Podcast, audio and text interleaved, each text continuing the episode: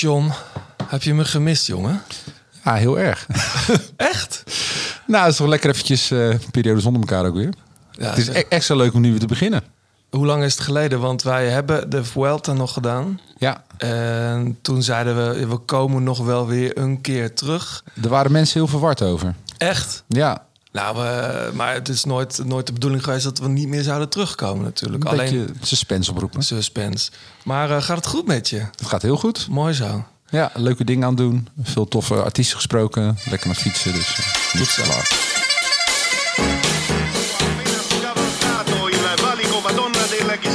Solo al comando un olandese Johnny della de liefde. De liefde voor de koers. Blijleven trok de sprint aan. Toen kwam John den Braber eroverheen. En John den Braber wordt de nieuwe kampioen van Nederland. Je luistert naar De Grote Plaats.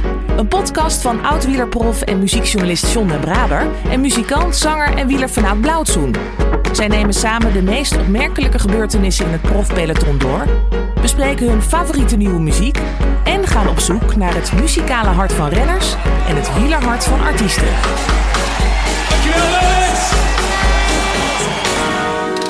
Dit is alweer eh, editie 13 van de Grote Plaat. Ehm, het wegseizoen zit er natuurlijk al een tijdje op. Er zit hier iemand bij ons aan tafel. Die ken jij goed. Ik ken hem eigenlijk vooral eh, van de man, eh, ja, de, de man die eh, de E3 Harelbeke won. De E3-prijs. E3-prijs, dus even terug, ja. Steven de Jong, welkom aan tafel. Goedemorgen. Goedemorgen. We gaan, eh, we gaan even, even. We gaan terugblikken op 2019. We gaan vooruitblikken op 2020. Jij hebt ook muziek meegenomen. Ik ben heel benieuwd wat. Daar gaan we naar luisteren. John, jij hebt vast ook muziek bij je. zeker. Steven, jij bent tegenwoordig. Is dat nou. Ben je nou ploegleider van Track Segafredo? Of hoe, hoe, wat is jouw officiële titel? Mijn officiële titel is ploegleider, ja. Oh ja? Maar, ja, maar er komt wel... eh, Maar Daarnaast- sportdirecteur lees je ook wel eens? Ja, of is dat, dat- ja. hetzelfde? Dat is meer Vlaams, toch? ja, Ja? sportdirecteur. Ik vind het wel ja. een heel mooi woord, sportdirecteur. Sportdirecteur? Ja, het klinkt... eh, Ja, DS. is wat het is. DS, dat Ja. is eigenlijk... eh dat wordt ook heel veel gebruikt. DS, direct, Director Sportive, ja. Ja. Ja, nou welkom Steven. Ehm, wil je nog een bak koffie? Of, Nou, ik lust zo nog wel een je koffietje. hebt drie uren erover gedaan. Het regent in, eh, in Europa. Voor de mensen die buiten Europa luisteren, want die zijn er ook. Maar het, het is gewoon geen fietsweer meer. En zelfs geen weer om in de auto te stappen eigenlijk. Nee, het stond een beetje vast bij de bruggen, zeg want jij maar. komt nu uit België. Jij woont net over de grens, denk ik. Ja, woon net over de grens En bij België. ja. En eh, als ik niet in België ben, zit ik zoveel mogelijk in Spanje eigenlijk. Oké, en waar, waar zit je dan? Daar zit ik vlakbij Girona. Oké, ja. Echt, eh, ja, hele mooie streek om, eh, Om vooral nu om te, te, zitten. wonen, om te werken en om vooral nu te zitten, ja. Ja, wat doe je hier, man? Ja, ik vertrek zondagavond. Oh, Eh, als je het niet wil weten, ik vertrek zondagavond weer. Heel ja. goed, heel goed. Hey, ehm, hey, want wat voor een periode is dit voor jou nu? Ben jij, ben jij nu vrij of ben je alweer bezig met het nieuwe seizoen? Wat, Ja, we zijn nu eigenlijk volop bezig met het nieuwe seizoen. Dus eh, rond de wereldkampioenschappen komt altijd de nieuwe kalender uit. Dus eh, met de wedstrijden voor 2020. Ja. Ja, en dan beginnen wij eigenlijk eh, heel druk met de planning voor, voor het nieuwe seizoen. En ik heb nu de afgelopen twee dagen in Deins gezeten. Daar zit ons kantoor Oh ja. en de opslag van de ploeg. En dan zijn we vooral bezig geweest eigenlijk met eh, welke mechaniekers gaan waar naartoe. eh, ja, welke soigneurs gaan waar naartoe, wie volgt wie. Maar dat is dus nog niet de renners. Dus eerst Nou, de eh, renners, daar zijn we al, zijn we al bijna klaar mee. Oh ja? Ja, dus we hebben, um, even kijken, um, eh, begin december gaan we op trainingskamp naar Sicilië. En dan zitten we dan de eerste drie dagen, hebben de renners heel veel mediaactiviteiten en... eh, foto's, nieuwe Precies, shirts. ja. hele- Echt eh, de meest favoriete bezigheid van ze. en in die periode hebben wij met de ploegleiders eh, de laatste vergadering over het eh, complete rennersvergadering. Sicilië hoor je niet zo vaak, hè? Nee. Nee. Zou dat- is ja, dat de ja. invloed van Nibali? Of, Of eh, de Giro. Nee, nee, nee, nee. Giro, Eigenlijk Giro-parcours toch dit jaar? ook. eh, of volgend dit, jaar? Ja, ja, ja, volgend jaar ook weer, Ja. ja. Dus eh Budapest en dan eh, verplaatsing naar Sicilië. Wat het heel logisch maakt allemaal. Daar hebben we het voor- gisteren dus ook over gehad. Voordat we, voordat we verder praten, John. ehm, jij hebt eh, altijd je prachtige aktentas bij je. En daar zit iets in. Ehm, Iets uit de oude doos. Ja, ik maak, ik maak even live een foto. Want anders zitten, weet je wel, mensen die, die denken, we doen dit niet live. Maar eh, ik film het gewoon even mee. Nou, ik zei vorige keer dat, dat we die shirts niet, niet eh, dat, dat die shirts geen vastigheid moeten worden. Maar ik, ik kom weer ineens op een shirt waar ik, eh, hoe wij aan jou moet denken. Ja. Ik herken hem, Hawaii. Mijn enige koers in Hawaii. Ja. Ja. Wat, wat is het? Omschrijf het even voor de luisteraars, want wij zien dit Dit natuurlijk is wel. eh, maar- 1994 eh, reden Steven en ik in een, eh, in een ploeg. Ehm, een gelegenheidsploeg eigenlijk. Met Max van Heeswijk, Servas Knaven volgens mij nog. Die was toen misschien net prof. En eh, in Australië hebben we eh, een etappekoers gereden. En zijn we doorgaan naar Hawaii. Laat hem nog even zien, eh John. Ja, het is helemaal genuine, want de nummers zitten Oh, echt joh. op de zijkant ook. Maar, Schitterend. maar Nee, dit nou, is het shirt van de ploeg of van het... Nee, dit was een gelegenheidssponsor Ja. eh, die ons daar eh, alles faciliteerde. Het was heel eh poepie chic. In In hele dure hotels. En ik kan me nog herinneren, wij vlogen op zaterdag. We hadden zaterdagavond waar we wezen. Het was het einde van het seizoen, hè, dus het was een een soort afsluitingswedstrijd voor ons. En eh, we zijn zaterdagavond wezen stappen in, eh, in, eh, in Sydney. En toen zijn we naar Hawaii gevlogen. En toen was het gewoon weer zaterdagavond. Want dan ga je natuurlijk tijdsgrens over. Ja, het verhaal is nog iets moois. Dat zal ik je nu vertellen, want ik, ik heb het onlangs nog verteld. Wij vlogen van Australië vlogen we naar Nieuw-Zeeland. En daar zijn we op zondag aangekomen. Toen zijn we daar eh, naar bed gegaan. Zijn we maandagochtend vertrokken. En toen kwamen we zondagmiddag weer op Hawaii aan.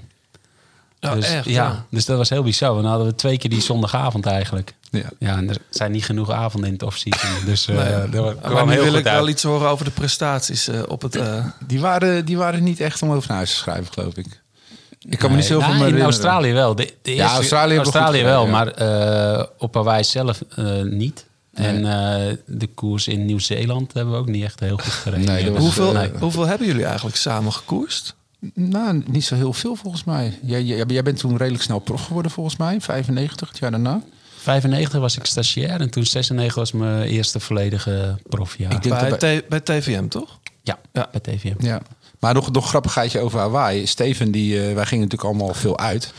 En Steven die was op eh, drie dagen... vier- Topsporter. Ja, eindseizoen. Maar Steven werd volgens mij de week daarna werd hij 21. Ja. En hij kwam gewoon helemaal binnen. nergens binnen. helemaal nergens. Ik weet nog goed dat hij bij de deur stond en dat, eh, dat hij uit mij zei van ja, je, hebt, eh, je bent geen 21. Ja, maar je bent volgende week. Nou, kom volgende week maar terug. Ja. Dat was echt... eh, echt niks doen. Je mag nog een colaatje drinken dan of zo. Hè. Dus dat Helemaal was, niks. Maar wel een leuke tijd. We gaan zo even verder praten, eh, uitgebreid verder praten. John, waar wil jij, eh, waar wil jij mee beginnen? Nou, we, we, we hebben meestal een quote van een, eh, van een renner of van een eh, artiest of iets wat ons opvalt. Maar het leek me misschien wel leuk om nu eens eh, terug te kijken op het afgelopen muziekjaar. Want we hebben natuurlijk heel veel over koers gehad.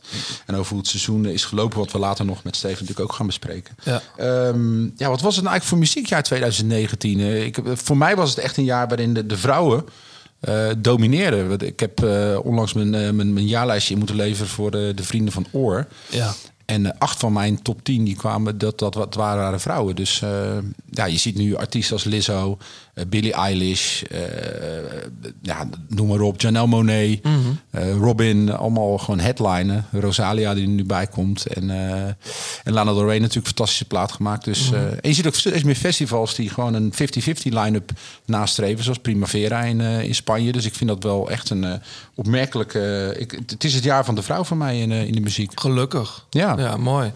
Ja, Ja, helemaal mee eens. Ben Ja. ik met je eens. Over 2020 gesproken. Jij sprak eh, Kevin Parker deze week. Ja, klopt. Zanger van... eh, en eigenlijk is hij Tame Impala. Ja, het is eigenlijk gewoon een solo project eh, van, eh, van hem. Eh, alleen op het podium heeft hij muzikanten, dus een live band. De plaat die maar niet uit wil komen. Ja, de Slow Rush. En de typische naam ook eigenlijk voor, voor zijn album dan. Want, Ja. eh, er was Ken eigenlijk- jij het, Steven? Tame Impala? Nee. Eh, ik, zou het zo, ik zou even aanzetten. Even aanzetten en kunnen we het luisteren. Dit is ehm, zijn laatste track, denk ik.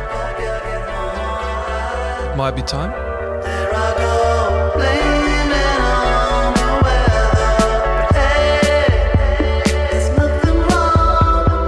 Ja, het is wel grappig, want ehm, hij, eh, het is, inmiddels is het echt, echt, een, echt een ster. Want eh, hij eh, had een persdag eh, bij de journalisten ontving in Amsterdam in de Grand. Echt een poepiechic hotel met, eh, met, met, met gouden bestek, om het zo maar te, te zeggen. En dan zit daar gewoon zo'n hippie-achtige jongen onderuit gezakt op een bank. En eh, vaak hebben artiesten eh, heel veel verklaringen voor het feit waarom een plaat niet uitkomt. Eh, je zal het ongetwijfeld kennen.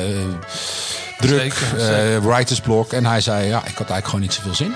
En het zat er niet in. En ik kon mijn kop naar zetten. Hij heeft gewerkt met, met een aantal, met een aantal rappers ook. Ik zag hem Ja. in die documentaire van, hoe heet hij nou? Ja, Ja. hij heeft met Travis Scott gewerkt en met ASAP onder meer, met Kendrick Ja. Lamar. Hij heeft natuurlijk met Mark Ronson eh, een hoop dingen gedaan. Hij heeft gedj'd. Hij is gewoon echt van het leven aan het genieten. En eh, die plaat die is nu eindelijk af.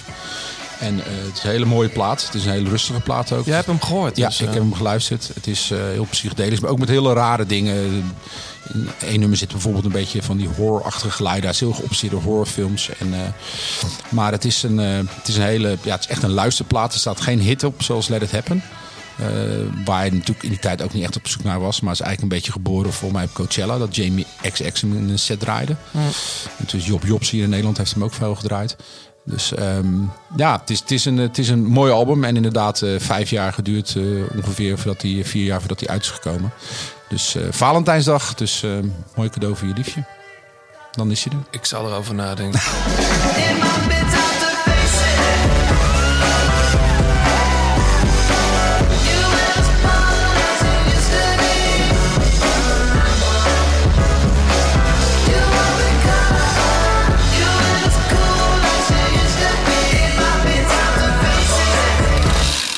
het is lang geleden, maar we krijgen nog steeds veel reacties op allerlei verschillende episodes. Klopt.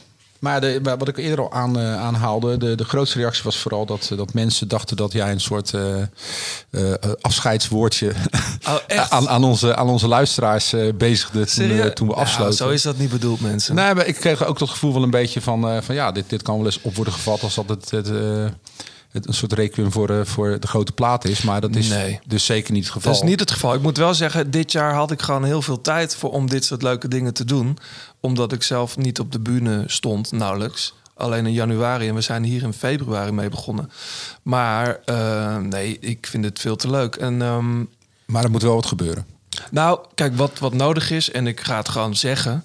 eh, wij hebben toch. eh, er zijn heel veel mensen die willen ons wel sponsoren. Met bier en wijn en kleding. En daar zijn we heel erg blij mee. Maar daar kun je natuurlijk geen podcast van maken, Steven. Nee. Maar ik moet ook zeggen, na de, jullie laatste podcast, ik heb een paar keer gekeken van, nou, ik heb er niks gemist, weet je wel. Is- Oh, je zat te wachten op een nieuwe. Nou, ja, dit wachten. is de nieuwe dan. dus- en toen Dit was ik heel vereerd met het berichtje van John van, eh, heb je tijd? Ja, nee, maar nogmaals, te gek dat je er bent. Alleen willen we dit in 2020 blijven doen, dan hebben we toch eigenlijk gewoon wat, wat geld nodig. Dus we zoeken sponsoren. En ehm, mochten er luisteraars zijn die zeggen: hey, ik heb een bedrijf of bedrijfje of eh, whatever. eh, dan kun je gewoon rechtstreeks John benaderen. En dan eh, maakt hij de deal met je. Zullen we het zo afspreken? Ik ben een slechte Nee, maar het is belangrijk. Het, het kost geld en het kost heel veel tijd. Maar het kost vooral ook geld om de podcast goed te maken en kwalitatief goed te maken. En dat willen we graag zo houden. En dus zijn we eigenlijk op zoek naar wat, wat centen. En we gaan geen, ehm, hoe noem je dat, eh, crowdfunding actie opzetten of zo. Er zijn genoeg bedrijven die eh, genoemd zouden willen worden in deze podcast, die veel beluisterd wordt. Dus eh, u weet de weg naar John den Braber te vinden. Op Twitter dan toch of zo? Of Instagram. Maakt me niet uit. Ehm, nou goed, en ook als je tips of commentaar hebt, hebt. Dit is wel trouwens voorlopig de laatste van het jaar. Maar goed, dan kun je heel lang opteren, want we hebben Steven de Jong in de house. Hij fiets je eigenlijk nog, Steven? Ja, ik probeer eigenlijk eh, elke dag iets te doen aan sport. En eh, het fietsen is nu de laatste week een beetje bij ingeschoten omdat ik heel veel aan het reizen was. Maar dan probeer ik een beetje te hardlopen. Mhm. Ja. Maar ik kwam eh, John van de week tegen op Zwift. Dus, Oh, echt? eh, ja, ik had echt, dat had ik echt nooit gedacht. Want- Iedereen die Swift tegenwoordig. Ja, nee, maar de lol uit ik heb, ervan. ik heb vroeger, toen ik eh het laatste jaar beroepsrenner was, deed ik altijd krachttrainingsblok op, op een rollenbank. Ja. Nou, dat kwam me zo mijn neus uit. Dus toen ik stopte, toen zei ik van ja, ik stap nooit meer op zo'n rollenbank. Nee. En toen ben ik vorig jaar heb ik natuurlijk dat ongeluk gehad. En Ja, eh, daar een van de mensen die bij we zo eh, nog even over Ja, verder, een van de mensen die bij Swift werkte, ja, die nam eigenlijk al vrij snel contact eh, met me op. En die zei van, nou Steven, als je nou straks wil gaan fietsen, ik zal je het een en ander opsturen. Dan, Mhm. dan kan je in ieder geval veilig binnen beginnen. maar dat heeft me zoveel geholpen. En, Ja, en ik stond er echt versteld van hoe leuk het is en hoe snel ook de tijd passeert. Ja, want jullie kwamen elkaar tegen bij een social ride. Of hoe eh, dat noemt. dat, dat, is, eh, dat heet de NL, eh NL Ride. Dat Ja, is en een ik- initiatief vanuit de KMU. En Leon van Bon, de oud-coureur, is daar een voortrekker van. Ja. En het komt er eigenlijk op neer dat je met, met, met 200 of 100 tot 200, eh, of twee hele grote groepen, gewoon op een parcours rijdt. Een fictief parcours, in op dit geval Watopia. En eh, de ene keer is het een wedstrijd, de andere keer is het een gecontroleerde rit, dat er een soort van eh, virtueel fans voor zit. En dan rij je op een battage, kun je van tevoren goed inschatten. En het is wat Steven ook zegt, het is gewoon superleuk, omdat je, je ziet heel veel gebeuren dingen, er wordt gediscussieerd, er, wordt, Ja. er worden mededelingen van jongens niet te hard. eh, Je kunt mensen op gaan halen die er afgereden zijn. Van Oh, achteren. serieus? Ja, en Oh, dan is, ga ik ook meedoen. Ja, het is echt. Het is echt ik moet eerlijk, ik ben, ik ben een kamp Steven hoor. Want ik heb. Wij zijn nog van de tijd van de echte ouderwetse rollers. Dat je Ja. los moest ballen. Je had mijn vader helemaal- ook in de schuur staan. Helemaal ja. verschrikkelijk. Maar er was echt iets voor de warm-up. En eh, vooral bij de piste. Eh, en, Mhm. en, en het is doodsaai. En met Swift heb je gewoon echt een, echt een uitdaging. En het is, eh, het is ook sociaal, weet je. En Ja, inderdaad, er zijn heel veel luisteraars ook die, die, die, die swiften terwijl ze de grote pot... eh, grote pot. dat is een andere... Is de grote, grote podcast luisteren. ja. de grote podcast luisteren. Ja. Eh, nou, ik, ik, zit al, ik, zit, ik heb wel een tax. Eh, en dan na een half uur ben ik het echt helemaal zat. Ik probeer dat wel drie keer in de week te doen, met, zeker met dit irritante weer. Maar inderdaad, het is heel saai. En ehm, ik, ik heb, zet dan Netflix op of ik, nog een of andere gemiste documentaire of zo. Maar ook dan, ja, je gaat, ja, het is niet zo motiverend. Ja, iedereen komt nu met Swift aan. Misschien, misschien moet ik er ook eens aan beginnen. ja, je kunt gewoon een serieuze kol oprijden. Dat je gewoon Nou, wat eh, ik- een uur wat- aan het klimmen bent. Ja. Echt. En wat mij ook, eh, ja, wat ik echt heel leuk vind, zijn die, die wedstrijdjes erop. Je, dus je kunt dus, ja, deelnemen aan wedstrijdjes. En dat is een 18 kilometer en dan rijd je twee rondjes. En, eh, ja, is het pittig, hè? Ja, dat is echt pittig.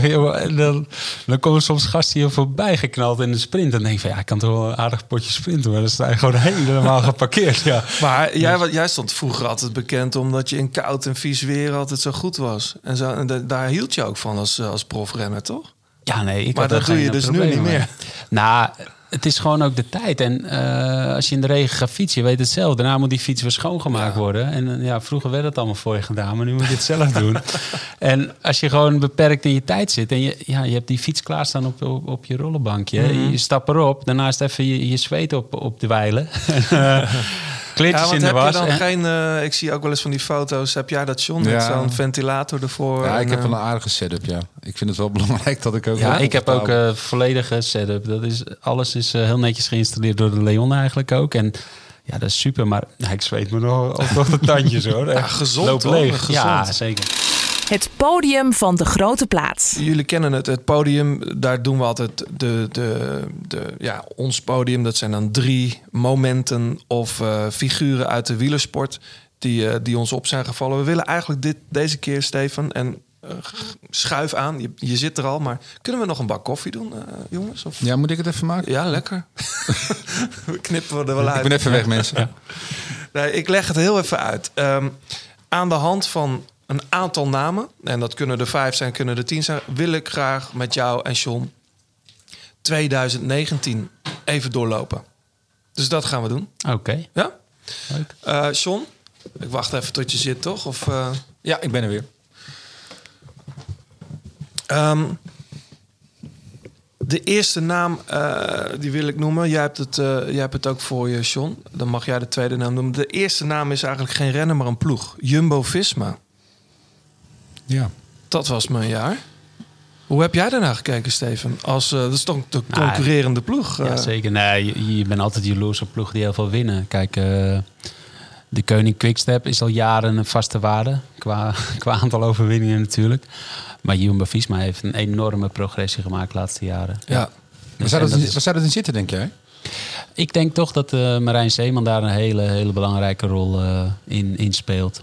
Dus eh, ik heb met Marijn samen op Nijrode uh, Sport Leadership ook gedaan. En ik Ah, weet waar een beetje waar hij mee bezig was en wat hij graag door wilde drukken. En ik denk dat, dat hij dat ook eh, dat hij redelijk zijn pad heeft, eh, heeft kunnen bewandelen daar wat hij voor ogen had. Maar ze halen ook renners die echt wat toevoegen. Vroeger bij Rabobank waren ze echt eh, koning in de miskleunen vaak. Ik kan me nog herinneren dat volgens mij heeft Nick Nuyens daar toen niet gereden? Ja, Nick ja, heeft er en die gaat er weg en wint jaar na de Ronde van Vlaanderen.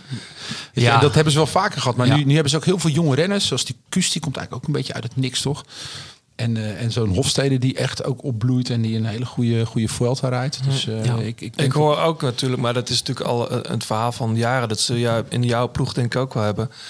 Dat de rol van, van hoe er met voeding wordt omgegaan, daar lopen ze, tenminste dat hoor je, daar lopen ze daar best wel in vooruit. Ja, zeker. Ze hebben enorm geïnvesteerd. Ik geloof dat ze eh, drie nutri eh, hoe heet het, diëtistes hebben, geloof ik. Dus ja, ja hoe heet het? Ze hebben er gewoon een echt eh, Dat goed... is trouwens de koffie hoor, als mensen denken wat, wat ratelt daar. Maar, Ja. eh, ja. Nee, ze hebben er flink op ingezet. En eh, het is ook logisch ook. Kijk, eh, als je goed voedsel eet, dan eh, ja... Bij Verstappen gooien ze ook geen rotzooi in zijn benzinetank. Nee. Dus... Nee. En eh, hoe heet het? Vroeger, eh, in de oude tijd, ja, er werd, eh, de spuit werd erin gezet met vitamines en eh, vezels, vitamines en ik mineralen. dacht dat je zeg iets maar. wat anders ging zeggen. Maar Nee. nee, maar goed, weet je, het, het is echt veranderd. En ehm, ja, je ziet ook een hele, hele duidelijke trend in, de, in het peloton. Dat renners worden magerder en magerder. Ja, maar je moet wel er- sterk ik blijven. er toch weer ja, van. ik Eh, schrik de laatste, van. Een van de Ja. laatste keren dat, dat wij eh, een podcast opnamen me- was met Nicky Terpstra. Nou, die ken je ook goed.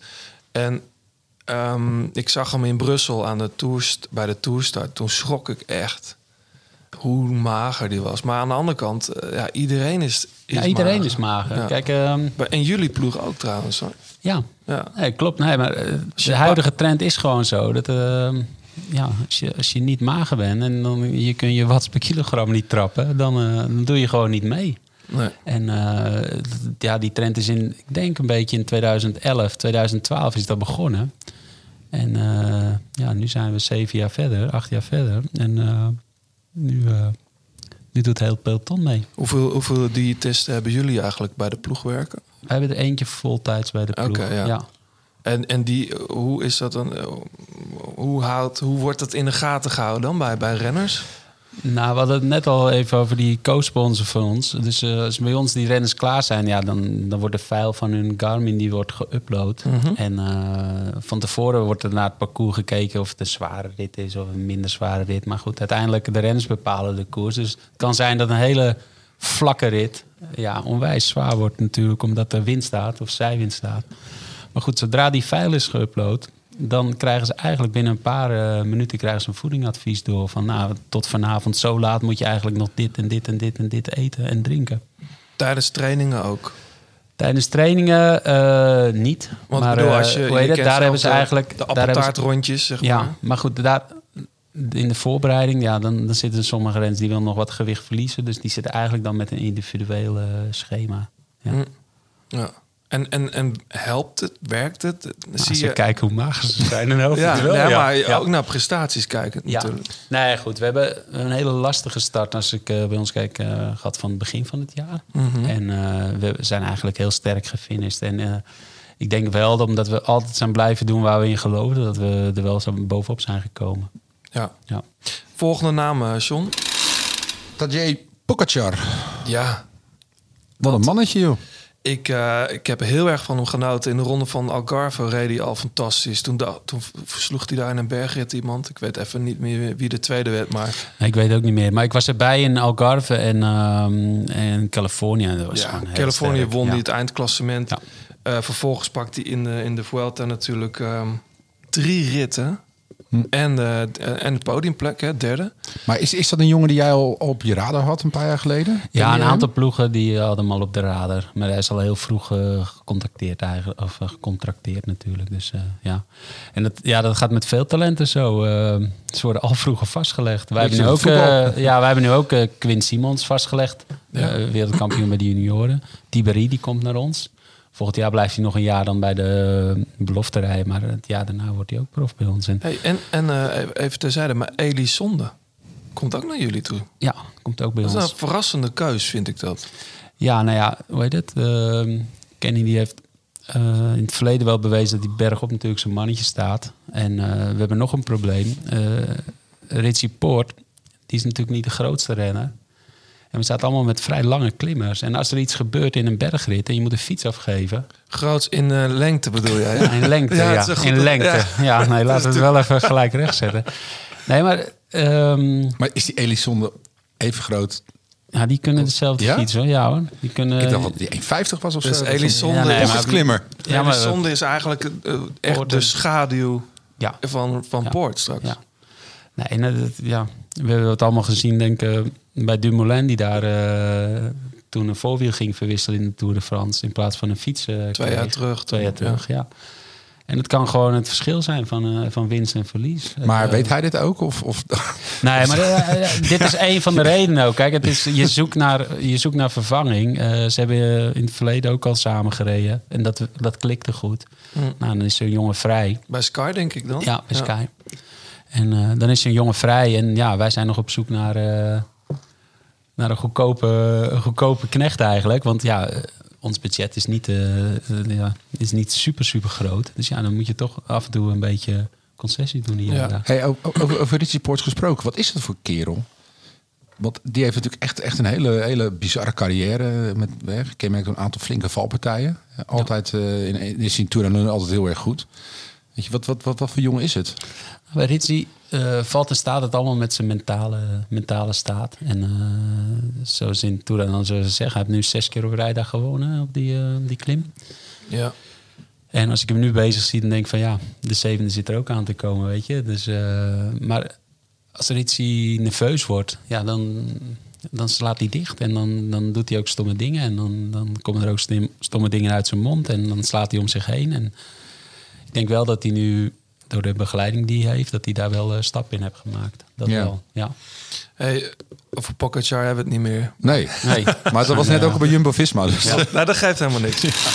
Er is nog één naam. En ja, daar, kunnen we het, daar hadden we het misschien wel de hele podcast over kunnen hebben. Bauke Mollema rijdt bij jouw ploeg. Wat een fantastisch jaar heeft hij. Ehm, najaar zeker. De Italiaanse week is een beetje zijn week aan het worden. Dat had iemand voorspeld toch dat hij ging winnen? Wie, wie was dat ook weer? Dat, eh, Ja, John. ik had met mijn neus aan. Ja, John. Ik heb op Radio 1 de avond ervoor geroepen... dat het maar zo Mollema kon zijn, ja. En dat Johan Derksen dat zelfs nog vertelde. Ja, bij klopt. Veronica in Ja, ja, heel mooi. schitterend. En, ja, en, en de documentaire die ik ooit met, eh met Pankra maakte... eh, die eindigt met Mollema toen nog bij Rabo. Eh, dat hij de, de Colma di Somano op... Daar demareert hij dan. En dan hoor je de speaker... Mollema. En dan, dus daar eindigt die film. En die film gaat eigenlijk over wie wordt de volgende Nederlander Ja. die Lombardije wint. Dus Ja. ik heb echt staan shinen voor de tv. ik was er niet. Iedereen zei, ben je erbij? Ben je er? Nee, ik was er niet. Ik stond eh, eh, wel met goede Italiaanse wijn. Zat ik voor de, voor de buis met vrienden. Ik, ik wist trouwens helemaal niet dat, dat die Bokkema bijnaam die hij heeft, vooral op Twitter, dat die uit die documentaire kwam. Ja, Bokkema. Ja. Dat komt omdat Jo de Roo, oud-ren- oud-renner... en die won ook twee keer Lombardije... Ja. Die, die heeft het dan over wie zou hem kunnen opvolgen. En dan zegt hij, ja, hoe heet hij ook weer? Bokkema, Bokkema, Mollema. Ja. En het, vanaf, die, vanaf die documentaire eh, zie je heel vaak waar Mollema fietst, eh, hashtag Bokkema. Dus wat dat betreft, eh, ja, superleuk. En ja, te gek. eh, Nou ja, vorig jaar heeft hij natuurlijk ook heel sterk gereden in die koersen. Maar toen viel Ja. Lombardije eigenlijk tegen. En, eh, Hij won toen wel, wat won die Piemonte? Of nee, eh, eh, nee, Begelli won Begelli won Begelli, ja. ja. Eigenlijk de sprinterskoers die won Ja, dat raar, hè? Ja, Ja. Toen reed hij weg ook eh, in de finale. Ja. Ja. Maar hij heeft sowieso een goed jaar. Hè? De Gold Race was hij ook wel goed. Hij heeft gewoon een heel Vorig jaar had constant hij een goed jaar. Dit jaar heeft hij een goed jaar. En is wel zo dat als Bouke gewoon zegt van... oké, dan sta ik er. Dan staat hij er ook. En dat is gewoon heel dankbaar natuurlijk. Voor, ja, maar voor die ons om mee te Italiaanse, werken. die Italiaanse wielerweek, om het met, ik, ik vind het, ja, voor mij is dat stiekem wel mooier soms dan eh, het voorjaar. En dan, maar is hij, hij werd vierde in Emilia, vijfde Begelli. Faresin reed hij ook, werd hij 53ste. Was, was daar niet iets mis mee dat het peloton de verkeerde kant op werd gestuurd? Nee, die kopgroep. Nou, Tenminste, achtervolgers. Milaan geloof ik. Torino zevende. Nou, en hij wint Lombardije. En dan, en dat wil ik toch aan jou vragen, Steven. Hij wint ook in de Japan Cup. Ja, klopt. Wat is daar precies gebeurd tussen eh, Woods? Bouke kan het zich niet meer herinneren. Klinkt als Mark Rutte. ja, ja, ja, dat klopt, ja. Dus, ja, nee, ja. Ja, het Eh, verhaal gaat even voor de het verhaal mensen. gaat dat, dat Bouke tegen hem zegt dat van Tegen het is Woods? nog een rondje. Ja. Ja. Dus ja, Bouke zei ja, ik heb dat niet gezegd. Dus eh, ja, Nee. ik kan me niet herinneren. Dan nog, dan moeten we het gewoon weten. Kom op. Nou, hoe heet het? Je hebt toch, eh, we rijden dan altijd met communicatie. Dan vraag je toch aan je, aan je ploegleider. En hoe heet het? Je weet toch hoeveel kilometer een wedstrijd Ja. is? Kom aan. Ja. Ik vind het een beetje een slap excuus om dat te zeggen. Sorry. Ja, maar Ja, eerlijk hoor. gezegd, op papier zou ik, zou ik Bouke toch ook op één zetten, toch? Met een sprint met Woods? Of niet? Of had je daar dan aan getwijfeld? Mm, ja, nee. Want, het- als het wat stijler was geweest, dan had ik op Woets wel ingezet. Maar eh, dit was wel een aankomst voor Bouken ook. Dus Ja. dan had ik ook wel eh ja, Bouken op één gezet. Nog even een andere naam, eh, John. Kies er maar één uit.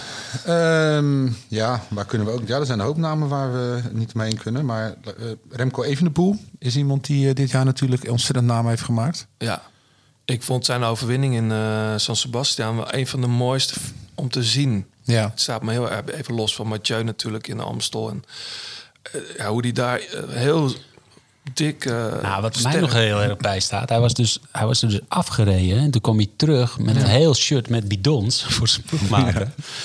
En eh, even later, toen demereerde Tom Skuins van onze Ja, ploeg. En nou, daar kwam hij, leek het, met hangen en wurgen bij. Dus ik kom op die laatste steile klim en hij ging gewoon niet kapot. Hij bleef gewoon zijn tempo rijden en eh Toms moest eraf. En hij hield het zo vol. En ja, als je dat kan op jonge leeftijd, dat, eh Ja, is ook dat, dat er niet gereden werd. Hè? Want eh, volgens mij Astana, die zat, eh, of Movistar, die zat Nou, vo- ze volle zaten bak vol te rijden. Was- En heel die groep daarachter was helemaal ontploft. Dus nou, dat vind ik toch knap dat ze die gereden hebben. Ja. Nee, het was, het was een, een hele harde finale. En hij heeft meer dan verdiend gewonnen. Een Ja. heel sterke prestatie. Ze spreken in, in het voetballen vaak over gouden generaties. Hè? Met jonge, jonge spelers. Wat je nu ook weer hebt bijvoorbeeld in Nederland met Frenkie de Jong en... eh, eh, De Ligt. Ja, de licht, eh, al die gasten. Ehm, is dit ook een, een gouden generatie qua, qua jonge coureurs? Weet je, nou, Van der Poel is niet meer de jongste, maar met, met Van Aert, met Van der Poel, met, met Pogacar dan, met eh Evenepoel. Weet je, er komen zoveel echt kleppers. eh, Bernal. ja, Bernal natuurlijk. Is, is dat, of is dat ook eh, door de professionaliteit van het professionele wielrennen dat dat gewoon st- steeds beter wordt? Ja, ik denk het wel. En ik denk ook gewoon dat de, mm, dat de sport gewoon eigenlijk zo gezond is... dat die jongens ook gewoon eh, nu kunnen presteren. Dat er niet meer van alles gedaan wordt... eh, zodat ze niet aan de bak kwamen. Maar eh, ik denk dat er gewoon iedereen die er hard voor werkt... die kan gewoon een degelijke prestatie neerzetten. Is dan ook de, de, de, de cultuur in ploeg misschien iets veranderd? Want ik kan me herinneren in, in onze tijd dat, dat neopros vaak eh, jasjes moesten halen, bidonnen op eh, weg, dat soort dingen. Is, is dat minder geworden, die, die hiërarchie die in ploegen was? Nou, als ik naar onze ploeg kijk, wel ja. En eh, tuurlijk, er worden, er worden hele belangrijke wedstrijden gereden. Dan is er een kopman. Maar er wordt ook een programma gereden voor de jonkies, zeg maar, waar ze hun kans kunnen gaan. En eh, soms starten we ook in een wedstrijd en zeggen: Oké, er is geen kopman, jongens. Eh, vandaag hebben iedereen een kans om te winnen. Maar jullie moeten wel met elkaar doen. En ehm, nee, er zijn zeker meer kansen. En er wordt ook veel meer gekeken naar de renner en de ontwikkeling. Kijk, vroeger moesten wij gewoon een heel jaar door koersen. En dan eh finishte je eerste jaar met 119 koersdagen. Waar we nu echt rekening houden met die jongens. Dat ze eh, ja, 60, 65 koersdagen. Als ze een jaar komen van, van 45 koersdagen bij de, bij de belofte bijvoorbeeld. Ja. Als je dan over nadenkt, is wielrennen eigenlijk heel lang best wel op hetzelfde niveau gebleven qua, qua eh, begeleiding. Ja, nee, dat, De- dat, die dat echte stappen zijn denk pas de dat- afgelopen tien jaar gemaakt, denk Ja, ik. ik denk dat Sky daar een hele, een hele belangrijke rol in heeft gespeeld. Ja. Ik heb daar zelf natuurlijk drie jaar gewerkt. En eh, nee, ik denk dat die eh, wel een, een trendsetter zijn geweest voor een hoop ploegen. Ja. Terwijl toch een hoop ploegen naar, die, naar Sky kijken met een beetje een naar gevoel in die periode. Dat het niet echt een hele sympathieke ploeg was. Nee, maar ik, ik kijk zelf ook niet met heel veel eh, vreugde op die periode terug dat ik daar gewerkt heb. En ik vond het ook een beetje waarom, een waarom, kille... niet, waarom niet eigenlijk? Nou, weet je, ik heb, er- ik heb er veel opgestoken. Maar de beleving van het wielrennen zelf, dat, dat miste ik wel een beetje. Eh, ik, ik, Maar je hebt ook daarvoor met en- Wiggins gewerkt, toch? Ja, Ja, dat is toch wel een, een fanaat, of niet? Ja, dat is wel een vernaat. Maar eh, zoals met Brailsford en eh, Sutton... Ja, dat waren niet de meest plezante mensen om mee samen te werken... om het zo maar uit te drukken. Ja. Ja, Maar waar zat dat in dan? Ehm, Autoriteit. autoriteit. ja precies. Eigenlijk wel, ja. En een, ja, als er dan gewonnen werd, ja, natuurlijk. Daarvoor zijn we hier, weet je wel. Niet, niet van genieten van het moment. En eh, ze hebben hele goede dingen gedaan. Maar ja, weet je, de echte beleving... eh, ik heb met Brailsford wel eens het idee gehad dat ik echt het gevoel had dat hij het meer voor zichzelf deed en voor zijn eigen ego dan dat hij het echt deed voor, eh, ja, voor het wielrennen, zeg maar. Je luistert nog steeds naar De Grote Plaat. Wil je reageren of heb je tips voor John en Johannes? Doe dat dan op Twitter via De Grote Plaat of laat een recensie achter op iTunes. Ik ga twee namen noemen. Die jongens ken jij goed. Eh, jij hebt volgend jaar gewoon, de, eh, dit jaar al, maar je hebt de wereldkampioen in je ploeg. Mats Pedersen. Ja, Wat is dat voor gast? Een hele aardige gast, Ja? ja. Echte Deen. Een beetje hetzelfde type renner als ik eh, was. Dus we hebben een klein groepje snel sprint. Houdt van slecht weer. Ja, en eh, hebben een heel moeilijk voorjaar gehad. Vorig jaar eh, natuurlijk tweede geworden in Vlaanderen. Zo, toen dacht ik, wie is die gast? En, Ja. en, en dit jaar eh, verder inderdaad niet zoveel gezien. Nou, ik heb Nee, hem wel volgens mij mijn gehad, ploegje ja. opgesteld voor mijn prono's dat ik Pedersen er wel in zitten. Maar Ja, nee, we hebben Die de lastig volgens mij. ja, ja. omdat je van Steven dingen hoort natuurlijk. Nee, nee, nee. nee. We ook wel eens iets goed. Ja. Nee, maar goed. ehm, Mats die had na, na vorig jaar had hij een eh, nieuw contract getekend. En eh, ja, dat was een duidelijke verbetering ten opzichte van zijn oude contract. En die heeft, die heeft zich zoveel druk opgelegd vorige winter. Dat hij ja, zoveel dingen heeft gedaan, zeg maar, eigenlijk allemaal erover. Oké.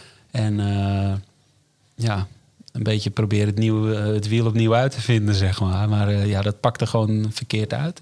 Gewoon overtraind eigenlijk. En eh, niet in goede vorm meer toen het wedstrijdseizoen begon. Maar, en hoe, hoe, wat, hoe, hoe buig je zoiets dan om als sportdirecteur?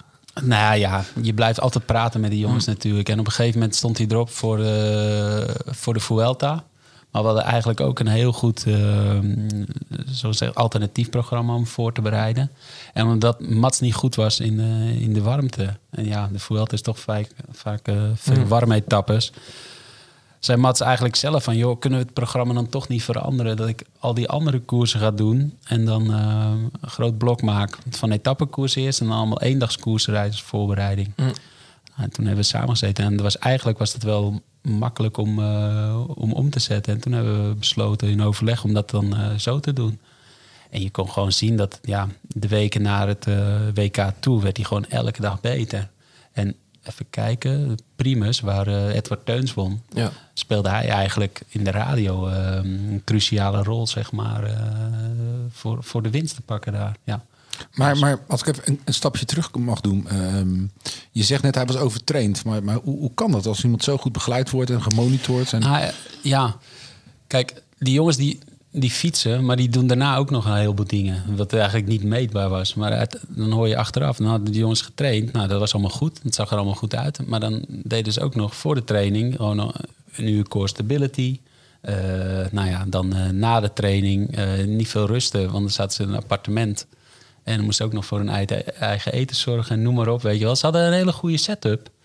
Maar uiteindelijk dan hoor je achteraf in de verhaal van... ja, ik heb eigenlijk wel wat te weinig gerust, weet je wel. Misschien toch beter in mijn eigen omgeving gebleven... en dan maar wat slechter weer getraind. En ja, die verhalen komen... er- Op het, als je op zijn moment spreekt, dan is het allemaal, allemaal fantastisch. Want dan denken ze, ja, wij zijn goed bezig. Maar achteraf geven ze dan en toe... ja, toch wel iets te weinig gerust misschien. En toch misschien wel iets te veel gedaan. En misschien iets te goed dingen willen doen. Maar dat klinkt voor mij, voor mij in mijn oren meer als een mentaal verhaal dus. Weet je, dat, dat, dat wordt in de wielersport ook niet zo snel benoemd. Hè? Als iemand gewoon de druk niet aan kan. Ja, maar Of daar Mats moeite- die zei ja, dat ook. Hè? dat- Hij, hij- onder druk van zijn contract wilde hij zich gewoon bewijzen. En, en die heeft zichzelf echt zoveel druk opgelegd... Ja, dat hij eigenlijk te veel heeft willen doen. Dus, John, ja, jij was niet helemaal... ehm, laat ik het zo zeggen. Mats die wordt wereldkampioen. Waar iedereen had verwacht. Mathieu van der Poel wordt wereldkampioen. Jij zei, ik weet niet of ik het zo mooie wereldkampioen vind. Nee, dat klopt. Waar- waarom was dat? Waarom vind je dat? Of vind je dat niet meer? Nou, ik moet eerlijk zeggen dat ik, ik was natuurlijk eh, vooral eh, onthutst door, door ja, de, de hongerklop die, eh, die Mathieu kreeg. Dus ik was heel erg teleurgesteld wie er ook had gewonnen hoor. Maar ik, ja, het, het, is, het, het kan of een soort Oscar Freire verhaal worden. Nou, precies. Of een, of een, eh, of een Astroloa verhaal. eh, een vergeten wereldkampioen. Nou ja, maar maar- ik, ik, ik heb er niet, niet genoeg gekeken op. Maar ik, ik vind zo'n wereldkampioenschap waar je in extreem slechte omstandigheden rijdt. Dus het is echt een survival of the fittest. Eh, wie dan wint, ja, hoeft niet per se de beste van de wereld te zijn. Misschien is dat, klinkt het heel stom. Nee, ik, en- denk, dat, ik kan een heel stuk Ja? volgen hoor in John's verhaal. Want kijk, Mats is niet een renner die al heel veel eh, zeg maar bewezen heeft op dat niveau natuurlijk. Nee, maar Kijk, ik moet wel zeggen, tweede die, plaats. die tweede plaats in Vlaanderen... Ja, dat, Dat geeft aan dat hij het in zich heeft. echt heel maar goed. even wereldkampioen worden. En het heeft gewoon in zijn voordeel gespeeld dat het zo extreem slecht weer was Ja. natuurlijk. Het was zo koud, zo koud. Ik was daar zelf in, eh, in Yorkshire. En eh, ja, als je daar buiten liep, je voelde gewoon de kou. En toen we de eerste beelden zagen, dat je die renners al zag met, die- nou, met die hoofden zo getekend naar 80 kilometer al. Toen zei ik al van, nou, hier gaan heel veel slachtoffers vallen. Ja. Op een gegeven moment hadden we een pronostiekje gemaakt... dat we dachten dat er ongeveer 28 renners zouden finishen. Mm. En eigenlijk als je kijkt wat er meedeed voor de titel... waren het er eigenlijk nog veel minder. Ja. Ja. Hey, hoe ga je nu Mats Pedersen in de gaten houden? Want eh, dit was misschien een, een, een, een vreemd jaar wat heel erg mooi eindigt. Maar hij heeft- rijdt straks in de regenboogtrui. En dat is natuurlijk een speciaal. Nou, die druk wordt alleen maar groter nu. Ja. Ja, nee, maar goed. Kijk, eh Mats heeft gelukkig eh, alle fouten gemaakt vorige winter. Dus daar heeft hij ook wel van geleerd. We hebben het heel druk gehad na de WK. Ja, precies. Eh, Lintjes doorknippen. Lintjes doorknippen, festiviteiten. Ja. Nou, Denemarken is helemaal eh, kapot geknipt. Ja, dus eh, nee, maar goed. En eh, hij heeft na alle activiteiten heeft hij ook eh, gewoon echt tijd voor zichzelf eh, genomen. Hij is getrouwd met zijn vriendin, dat stond al op de planning. Dus ja. ja. En nou, hij heeft er bewust voor gekozen om nu gewoon eh, lekker zijn voorbereiding in Denemarken te doen. En eh, als het echt heel slecht weer wordt, dan boekt hij een reisje Mallorca of waar dan ook. Oh, ik dacht dat er, dan gaat hij trainen. Ik. Ja. nee, als het zo slecht is dat hij niet meer kan trainen, Nee. dan eh, zoekt hij een Maar dan bijvoorbeeld met, met, met Mats heb, heb jij denk ik al om de tafel gezeten. Of hebben jullie al besproken van wat gaat hij doen volgend jaar? Ja, dat is allemaal al Ja. In kannen en kruiken. Goed zo. Ja. Maar Hey. waar, waar, waar, waar ligt zijn plafond? Wat, wat, want mede omdat het natuurlijk een relatief onbekende renner is voor het grote publiek. Wat, wat, wat, wat, wat zijn zijn doelen? Nou, zijn doelen zijn natuurlijk om die, om die trui te laten zien voor volgend jaar. En hij wil heel graag klassiekers winnen. Ja, maar wat denk je aan dan? Ik denk eh, Vlaanderen, eh, Roubaix eh, en alle semi-klassiekers die daaronder zitten in het voorjaar. Dus er zijn natuurlijk zoveel wedstrijden nu opgenomen in dat uh, World Tour schema. Dat, en al die koersen kan niet aan. Ja. Dat is, eh, ja. Hey, ik wil eh, 2019 een beetje gaan af, afronden. We hebben nog heel veel namen te noemen. Ik moet even een blaadje omslaan, want je hebt zo'n... eh, oh ja, dan weet ik het wel. Annemiek van Vleuten. Ja. Ja. Trouwens de enige vrouw in het lijstje. Dus je gaat niet echt in het, eh, de 50-50... eh, Eh, nee, in dit geval niet. Nee. Nee, er zijn natuurlijk heel veel vrouwen die we kunnen noemen. Kirsten Wild, fantastisch seizoen gehad, ook natuurlijk weer als pistier. Maar eh, ja, Annemiek van Vleuten, eh, eh, over Yorkshire gesproken, natuurlijk een tour de force van heb ik jou daar. Ja. Eigenlijk een soort van ja, onmogelijke missie, maar alles zat ook wel mee. Hè. Klein groepje erachter met een ploegmaat, landgenoot. Maar fantastisch, enorme sportvrouw en een voorbeeld voor, voor, voor alle jonge meiden die, die denken aan om te gaan koersen, denk ik. Ja, nee, zeker. ja. Ik heb eh Annemiek een paar keer gezien op het trainingskamp in eh, Tenerife. Want eh komt eruit, deed daar zijn hoogtekampen natuurlijk, zijn hoogstages. En Annemiek was er ook vaak te vinden. En eh nou, echt petje af. Die zat daar dan eh, wekenlang alleen. En eh, als ik dan zag wat ze trainde, nou, dat was echt... Ja, eh, ze traint veel ook met eh eh, broers. Hè? ja, en ik denk dat ze nu in... eh, nu zit ze in eh, Colombia met het. of niet? Ja. ja.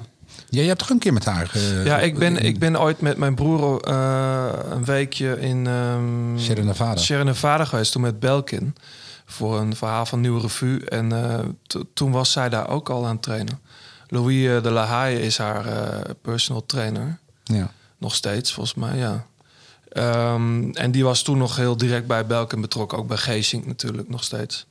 Nou ja, ze, ze rijdt, ze rijdt ehm, ja, echt, echt als een malle. Ik volg haar ook op Strava, als je ook ziet. eh, dat, wat dat betreft, jij zegt net, ja, er staat maar één vrouw tussen. Maar de manier waarop zij zo fanatiek traint en zo uitgedokterd bezig is, ook eh, op hoogtestages. Maar daar hebben we het vaker over gehad. Hè. Heel veel dames kunnen dat helemaal niet betalen. Of, of ploegen willen dat niet opbrengen voor, voor dames. Ehm, maar ik vind wel de manier waarop zij bezeten is van het spelletje... en, en dat ook op de weg terug laat zien, dat is wel eh, ja, outstanding. Ja.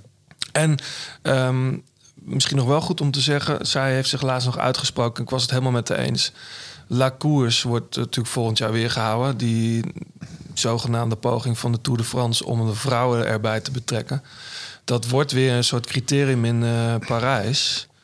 Ehm, daar was zij een beetje, daar was zij not amused eh, over. En dat begrijp ik heel goed, want ik vind, ehm, ik vind het te makkelijk om de vrouwenkoers maar weer een soort van veredeld criterium eh, daar neer te zetten in Parijs. Ja, Terwijl, maar het is toch het is gewoon een, het is gewoon een zoethoudertje van de van de van de ja, maar het slaat toch nergens op? Nee, maar doe dan niks. Weet je, Nou, inderdaad. Ja, ik, ik vind wa- wa- waarom moet het aan die Tour de France gelinkt worden? Weet je, wa- waarom? Nou, maar dat begrijp ik wel, omdat de hele wereld is even in de zomer draait. Weet je, dat weet je zelf. Wij volgen het wielrennen het hele jaar, maar de rest van de wereld kijkt alleen naar de Tour. Ja, naar de mannen. Ja, En- maar, en- en, en- dus is het toch logisch, als ik Wimbledon kijk, dan kijk ik net zo lief naar de dames als naar de heren. En dat komt ook omdat het afgewisseld is. Ja, En, maar dan, eh, dan moet je een, een volwaardige koers ernaast zetten. Maar dit is een soort afwachtingswedstrijd in, in, in- in de categorie van de hekken staan er toch al. nu, zeker nu. Weet je, en en, Ja. en dat, dat vind ik, dat verdienen die vrouwen niet. Nee, maar goed, eh, waarom zou niet de- ronde van Engeland of een, van mij part een, een, een Europese ronde kunnen zijn, die dan gewoon echt een echte vrouwenronde wordt. Mhm. En dat dat een soort van Tour de France voor, eh, wat je nu toch eigenlijk ook al hebt. Weet je, ik, ik snap die hang wel, maar in de jaren tachtig is het natuurlijk wel gebeurd. Hè, een Ja. Tour Féminin, Ja. die dan parallel liep aan de... En dan was het ook nee, een die liep niet bijnummer. parallel. Jawel, dat is ook gebeurd. Ja, maar hij heeft ook een tijd. Was, hij- had hij een Ja, dat plek klopt. op de kalender. Maar- maar in- eerder of iets vroeger. Ja, maar maar dit- in de het, is, tijd- het is een heel moeilijk verhaal. Want eh, wij hebben natuurlijk ook nu een eh, vrouwenploeg Ja. bij, bij Trek. En eh, er zijn gewoon heel veel problemen. Er is eh, een beperkte groep meiden... wat zeg maar voor, eh, voor de eindoverwinning mee kan doen. Mhm.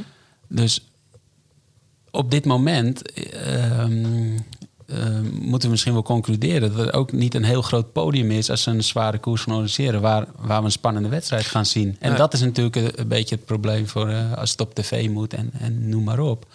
Maar ja, de, de sport moet zich wel ontwikkelen. En hoe meer meiden zich de kans krijgen om op zo'n podium te meten, Krijg hoe een bredere, ja, eh, dan krijg je ook ja. een breder veld. En ja, dat is nu natuurlijk heel moeilijk. En ehm, de UCI ook, die wil nu World Tour worden voor de vrouwen. Maar ja, er zijn gewoon een hoop sponsors of ploegen die dat niet kunnen betalen. Nee, het reizen, de hele... het hele Ja, maar ook gewoon eh, licentie aanvragen. Mhm. en, en wat krijgen ze daarvoor, weet je? Ehm Bulls, Bulls bijvoorbeeld, die heeft eh, geen World Tour licentie aangevraagd. Maar die kunnen wel gewoon World Tour rijden. Want die worden met die ploeg gewoon overal uitgenodigd.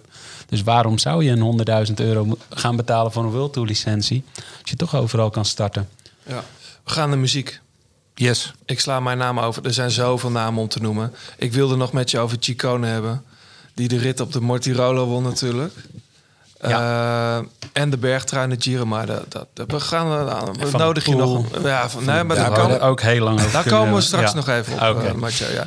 Ehm, eerst dit. eh John, dat heb jij meegenomen. De grote plaat kopgroep. Say goodbye to the ones you love.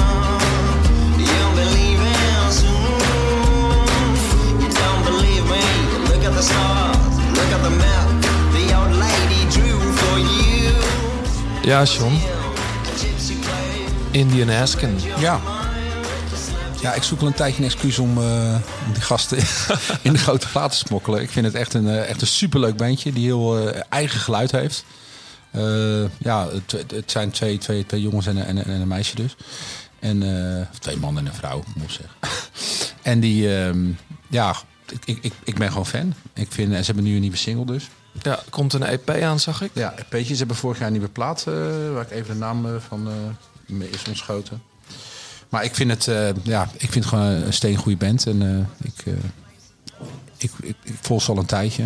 Dus ik vond het echt leuk om eens een keer te draaien. Ja, voor de mensen die ze niet kennen. Het zijn gewoon mensen uit Holland. Ja, uit Amsterdam. Amsterdam. En de, de drummer die, die, die runt een, een, een eetcafé, De Koe. Waar we, die, eh, wat jij waarschijnlijk ook wel kent. Nou, zeker. Als ik een Paradiso speel, Ja. dan eet ik vaak bij de koe. Ja, en, eh, en Chino, de zanger, die, eh, die, die werkte daar ook. En, eh, dus het is een soort van, eh, ja, het is, het is een band die, eh, die, die aan het doorbreken is. Eh, ik weet niet of, of ze internationaal ook eh, hoog hoog gaan gooien, maar het is, eh, ja. En Dennis van Leeuwen is hun manager. Ja, klopt, ja. Dat is de gitarist van Kane, als mensen dat nog weten. Ja,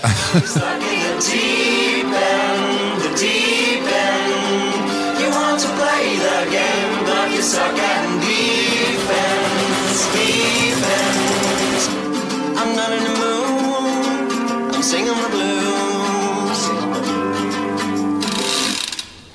Ik heb ook iets meegenomen. eh, voordat we naar jouw eh, muziek gaan, Steven. Ehm, dit is een ehm, band en toevallig Eh, nee, ik kwam het wel toevallig tegen. Ik weet eigenlijk niet meer waar. Het heet Konradsen.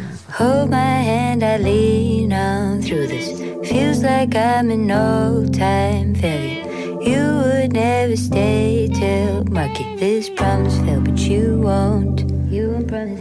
I would never steal your story. Close me off to end your bloody line. Sore eyes fills the south This Je moet een beetje wennen, die mix. Ja? Ja, dat... Je- ken je het? Nee, ik ken het niet, maar het is, klinkt wel inderdaad eh, heel Scandinavisch. eh.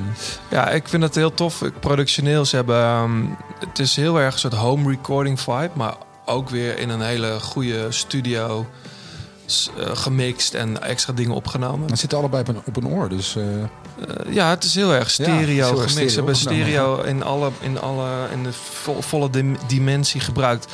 Ja, ik vind het heel tof. Zijn Noren. Eh, een beetje folky, maar ook een beetje... Zit ook wat elektronica in. beetje First Aid Kit eh, moet ik wel aan denken, qua Oh, ja? ook. Ja. misschien wel. Het is, hij heeft ook af en toe wat de, de rest van de plaat. Af en toe is het Bon Iver-achtig, een beetje Sufjan. Ehm, maar heel tof. En toevallig zag ik dat zij op Grasnapolski spelen in... eh, wanneer is dat? Maart of zo? Ja, het voorjaar. Dat is tegenwoordig in Groningen, hè?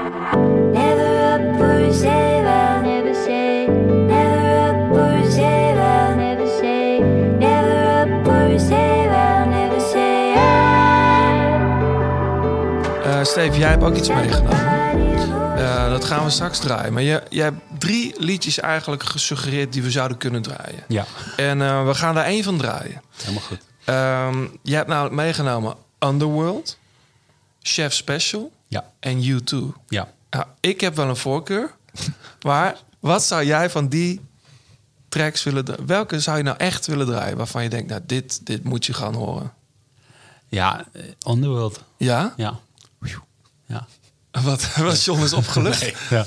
Nee, ja, nee. eh, ehm, die andere nummers, dat is, dat is gewoon meer een persoonlijk iets, zeg maar, wat ik met, met die nummers heb. En daarom luister ik er eh, graag naar. Want U2 had je Where the Streets Have No Name. Ja. Maar wat, dat ben ik dan wel benieuwd naar. Want Underworld is minder persoonlijk. is vooral lekker. Ja, dat is heel lekker. Ja, dat luister ik gewoon graag naar. En dat luister ik in jaren negentig graag eh, naar. Nee, niet met de eh, in de auto, als ik... ik rij vaak met de auto naar de koers. Dus als ik lang in de auto zit, dan, eh, dan zet ik Underworld nog wel eens op. Dat is, Zwaar hier deze week, hè? Ja, in Ziggo Dome zag ik. Ja. Nee, de afwas. Ja? Nou, ja, ik heb het Nee, voorbij zien Ziggo, sorry, ergens Ziggo, denk ik. ergens Nee, in zeker. Utrecht-West. Als wij dat zien. Nou, en dan als we het over Ziggo hebben. Het laatste concert waar ik geweest ben van U2, dat was dus in Ziggo Dome. Mhm. En dat was echt zo'n verhaal van, weet je wel, dan, dan, ja, dat is toch wel een van mijn jeugdhelden altijd vroeger, U2. En daar ben ik zo afgeknapt aan het einde van het concert. Dat ik, het, ik had het even gehad met eh U2 toen ook. Ja. Maar waarom dan? Dus, nou, eh, het was een super gaaf concert. Super leuk. En eh, het concert was eigenlijk afgelopen. En ik zei tegen mijn vrouw: Oké, dan even snel plassen en dan gaan we weg.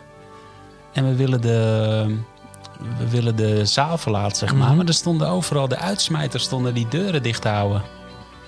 Ik zei, ja, maar we willen eruit, weet je wel. We willen even plassen en dan gaan we rijden. Want ja, het concert was af. Nee, nee, nee, mag niemand uit. Want Bono moet nog eh, het slotwoord geven. En er mag niemand de zaal verlaten. Nou, dat vonden we wel heel raar. En hij begon dus zijn preek, Bono. Het is een preek ook. Ja, echt. Dominee Het was- Bono. Het was echt een preek. En nou ja, er kwamen nog meer mensen. En ja, toen binnen, binnen twee minuten stonden we daar midden in een vechtpartij. Want ja, wij gingen we nog zo van... oké, wij gaan wel even aan de kant en we wachten wel even. Maar ja. toen kwamen dus mensen en die wouden dus echt naar buiten. Dus die drukten die deur open. Ja, en toen was het vechten Ik heb dat helemaal gemist. Ik heb het ook eh, helemaal ja. Nee, en ja, toen dacht ik van ja, Bono, hoe heet het? Je hebt je podium, weet je. eh, doe je preek dan even geven een andere keer. Maar hou die deuren niet dicht. Ik vond dat zo raar. Apart, ja. ja. Maar goed, als je Heel dit raar. dan weer hoort. Ja, heel lekker. En ik denk dat dit zijn laatste concert was ook zonder bril, daarboven op het dak. Van die videoclip waar het opgenomen werd. Weet je dat nog gewoon niet? Van, deze, van dit liedje bedoel Ja. je? Van Where the Streets. Ja, dat was toch in eh, Ja, dat was- LA, denk ik, werd het opgenomen. Ja. Daar had hij dus geen bril op. En volgens mij is dat de laatste videoclip Dat is mij dus als brildrager nooit opgevallen dat dit de laatste video is geweest waar Bono Dat geen ik. bril op had. Dat denk ik. Maar daar had hij in ieder geval geen bril op. Dat het uitzoeken. Ja. Dat is natuurlijk gewoon een, een, een dikke knippig naar de Beatles, hè, die video. Ja. Want die hebben natuurlijk ook op het dak van eh, dat weet jij vast, John, welk hotel dat was. Dat weet ik echt niet meer. Ik vond dit ook jarenlang best wel een hele vette track. Lang niet gehoord. Ik vind het toch wel fijn dat je het meeneemt. Ja, maar ik draaien hem lekker. gewoon. Ja. Je goed op Swift ook hier, denk ik, of niet?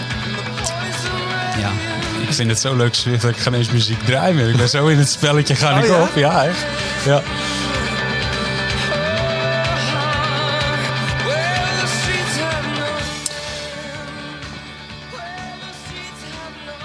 Ja, Steven, jij luistert wel eens naar de grote platen. Ja. Dan weet je ook dat als we een gast hebben, dat wij ehm, een ja en een nee spel doen. Ooit eh, het, het duo Barend en Van Dorp, daar is dit op een beetje op. Nee, een beetje, daar is dit gewoon van Riyad. Ehm, jij mag met ja en nee antwoorden op de volgende stellingen of vragen. En aan het eind mag je zeker op één of twee van die vragen ook terugkomen. Wij mogen ook eh, terugkomen op iets. Ehm John, begin jij? Ja. Ploegleider zijn is zoveel leuker dan zelf koersen. Nee. Als ik een dag niet kan fietsen, dan ben ik bloedchagrijnig. Ja. De beste jaren van Bauke Mollema moeten gewoon nog komen. Ja. Zonder social media en Strava was ik hier nu niet meer geweest. Ja. Alberto Contador is de beste renner waar ik ooit mee gewerkt heb. Ja. Aan mijn tijd als ploegleider bij Sky houd ik een slecht gevoel over. Nee. Het was één groot feest om met Oleg Tinkoff te werken. Ja. Het lelijkste shirt dat ik als prof droeg. eh, nou heb ik toevallig net dat shirt van jullie gezien van, van die Hawaii race. Maar de vraag was, het lelijkste shirt dat ik als prof droeg... was dat van Rabobank. Ja. Mijn mooiste overwinning was de E3-prijs in Harelbeke. Nee. Eh, de, de laatste vraag is, wil je ergens op terugkomen? Ja. Waar wil je op terugkomen? Nou, laten we terugkomen op, eh, op Oleg. Oleg Tinkoff. Oleg Tinkoff, Nou, ja. ga ervoor zitten, Dus, ja. Eh, leg even uit voor de mensen die hem niet kennen. Jij was ploegleider bij Tinkoff, Saxo Bank Tinkoff, nee? Bij Saxo Tinkoff Ja. ja. ben ik bijgekomen, ja. En eh Kopman was daar toen. Contador. Ja. Wie reden daar nog meer? Benati, ehm, Roman Kreuzinger, eh, Michael Valgren, ehm, Michael Rogers, eh, Rafa Maika, Peter Sagan. Ja, echt een, een topploeg. Ja. Ja. En Tinkoff was de baas. Tinkoff was de baas. Of de geldschieter. Baas en geld schieten, ja. Nee, ja. Het, is voor mij een hele eh, eye-opener geweest, zeg maar, om met iemand te werken die gewoon uit een hele andere cultuur komt. En Oleg betaalde 24 of 27 miljoen, denk ik, uit eigen zak. En eh, soms was het heel leuk samenwerken met Oleg. En soms was het gewoon niet te doen. Echt niet te doen. Nee. En waar kon hij ook dan binnen, in? binnen twee seconden compleet veranderen van, ja, van een happy Oleg tot een eh, Oh ja? hele erg. eh, maar had dat dan te maken met de prestaties van de renners? Of? Nee, nee ja, je, eigenlijk op sommige momenten had je het idee dat hij gewoon op eh, elk moment kon ontploffen. Hm. En om even een voorbeeld te geven, eh, Peter Sagan die won denk ik zijn derde rit in de Tour de France. En dat was die rit, jullie kunnen hem vast nog herinneren, dat hij wegreed met eh Froome, eh Geraint Thomas, eh Botnar en Peter zelf. Ja. Dan reed ze met vieren weg daar op een stukje zijwind. En Peter die wou eigenlijk Botnar laten winnen, ploeggenoot. Maar dat lukte niet en dus toen won Peter de sprint. Nou ja, dan zou je denken, Oleg, hè, helemaal happy. S'avonds bij het diner, champagne en eh, geen gezeur. 2016 naar Montpellier was Ja, het, Montpellier die rit. En eh, nou ja, s'avonds we zitten aan het diner. En eh, champagne wordt getoost en iedereen toost en iedereen happy. En een vol restaurant, er zat nog een ploeg. Ja. En vol restaurant en hij staat op. En hij, ja, ik voel dat hij naar mij keek. Dus ik kijk naar hem, hij begint te wijzen. Hij zegt, ik betaal al bij de Contador meer dan 4 miljoen. En wat krijg ik? Drie valpartijen. Jouw schuld. Jouw schuld. En dan zit je te wijzen. En dan zit je daar met je glaasje champagne, weet je wel. Ja, dan voel je je zo lullig. Dus ik, ja, ja, proost Oleg, weet Maar je wel. Ja. jij zegt net, eh, het, het, het, het was één groot feest om met hem te werken. Of, Ja, nee, maar weet je, ik heb ook hele goede herinneringen aan Oleg. Kijk, eh, soms dan kon, eh, hoe heet het? Eh, Sky was the limit soms. Eh, ik heb daar een hele leuke tijd gehad met de collega's waarmee ik werkte. En met de ploeg en met de renners en zo. Dat was zo'n leuke tijd. Dus dat was een feest. Maar, hij kon ook gewoon, als hij daar zin in had. Ik heb het namelijk een keer gezien dat ik naar een tijdrit ging in de Tour Megève, die bergtijdrit. En dat hij gewoon een, een, een auto van de ploeg confiskeerde en zelf een rondje ging rijden met hij zo'n had zoon. altijd zijn eigen, hij had altijd zijn eigen Echt, auto. hè? Ja. dus- Helemaal een volle ornaat, zijn zoon eh, erbij. En dan. eh, En die etappe die Peter dus won, dat was dus het verhaal waarom hij niet eh, in zijn goede, in zijn goede hum was, zeg maar. Hij had die finish gemist. Dus ehm, hij had een Omdat hij chauffeur. Hij had een chauffeur. Dus hij had, van tevoren had hij zelf gefietst. Toen waren ze in de auto gestapt. En toen, nou ja, toen dachten ze wel, we gaan de finish halen. Maar ja, misgereden. Stonden in de file en had de finish gemist. Dus, eh, en toen had hij dus met zijn voet tegen het ruit geschopt. Dus het vooruit lag eruit van die wagen. Eh, achteraf had hij dus een breukje in zijn enkel. Dus ja, dat was gewoon, eh, het was zijn dag niet. Nee. Hij, hij werd toch wat overgebaseerd in etappekoersen? Ja, ja, nee, hij had, gewoon, ja, hij had er gewoon een heel volledige setup mee. Dus hij had eh, zijn eigen auto, had een mechanieker en had zijn soigneur. Ja. Dus, ongelooflijk. Ja. Over lelijke shirts gesproken. Vond je dat lelijk, die fluo? Ja, Ja? jij niet? Nou, Nee, ik vond het ook wel wat nee, ik hebben. vond het wel wat hebben. Oké. Dat, dat de eerste jaar Rabobank, dat was veel erger. Als we het nu over vragen hebben van... eh, hè, dat, Waar we met dat mannetje op, ja. ja. Oh ja. Dat was een heel lelijk shirt, vond ik. Ja. Ja. Nee, dat was inderdaad niet mooi. Verder nog iets waar je op terug wil komen? Nee. Mooiste overwinning, ja, qua, qua naam eh E3-prijs. Maar ehm, ik vond het zelf ook wel heel mooi. Mijn eerste keer Kuurne, Brussel, Kuurne, waar ik Bettini eh versloeg in de spurt. Dat, dat vond, ja, daar hou ik ook wel heel tuurlijk. goed gevoelen over. Ja. Zeker omdat ja, we, we reden al vroeg weg in de koers. En ik had Maarten en Bakker als, eh, als ploeggenoot bij. En ik voelde me zo goed die dag. Het was heel koud weer. Het was niet uh, regennacht of zo, maar het was gewoon het vroor. Ik voelde me zo goed dat ik op een gegeven moment zei tegen Maarten... Maarten, ik ga niet winnen, weet je wel. Ik ga niet winnen. Ik voel het gewoon. Ja, blijf rustig. En eh, ik, ik, ik houd het wel bij elkaar, zei Maarten. En daarachter, want je hoort die jongens natuurlijk door de communicatie praten. Daarachter was uh, Museo, die mannen van Quickstep aan het opjutten... om het dicht te rijden voor Bonen. En Bettini zat bij mij en die zat maar in het raadje. Nee, nee, ik ga zeker winnen. Ik ga zeker winnen. Ja, toen werd hij verslagen. En weet je, dat was toen toch wel de eendagsrenner uh, in mijn generatie, Bettini. Ja, als je die dan verslaat in Kuurne, ja, dat schrijf, schrijf ik toch even wat hoger aan dan uh, E3. Mm -hmm. ja, daar, daar, win je toch altijd zo'n ezeltje? Ja, die heb ik nog. Ja? ja. Twee dus? Twee, ja. ja. ja. Grappig, ja. Een kunstwerk van Neste. Die is uh, vorig jaar overleden. Uh, ja, en uh, gewoon een speelgoedezel eigenlijk. Ja. Zullen wij het over het ongeluk hebben dan? Ah, John, waar wil jij op terugkomen?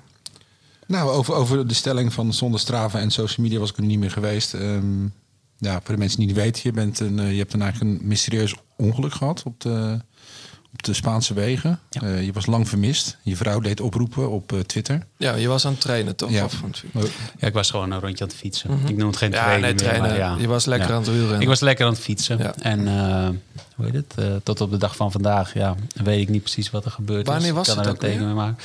Uh, oktober, midden oktober. Mm -hmm. Net na het seizoen, ja. Dus. En je weet daar helemaal niks meer van, Ik hè? weet er helemaal niks van, nee. En het is heel frustrerend. Maar uh, ja, ik weet nog een aantal dingen van die morgen. En ik weet nog dat, ja, dat ik bijkwam. En dat ik volledig in paniek was, ja. Maar wat even samen te vatten, wat, wat, wat is er nu precies gebeurd? Jou, jou, jouw vrouw René, die komt erachter dat je, dat je, je reageerde niet? Nee, dus eigenlijk om, ja, om het verhaal eigenlijk een beetje samen te vatten. We zouden om, uh, om half één, één uur zouden we gaan lunchen op het strand. En uh, ik zou twee uurtjes gaan fietsen. Dus ik had ook gezegd, nee, maar dan, dan ben ik zeker terug.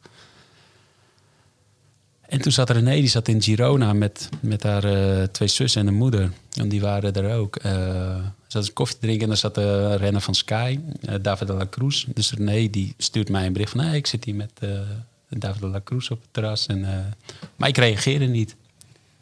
Dat, was al raar, want meestal reageer ik wel eh, op de fiets. En even later probeert ze weer contact te zoeken. En ja, weer niks, weer niks.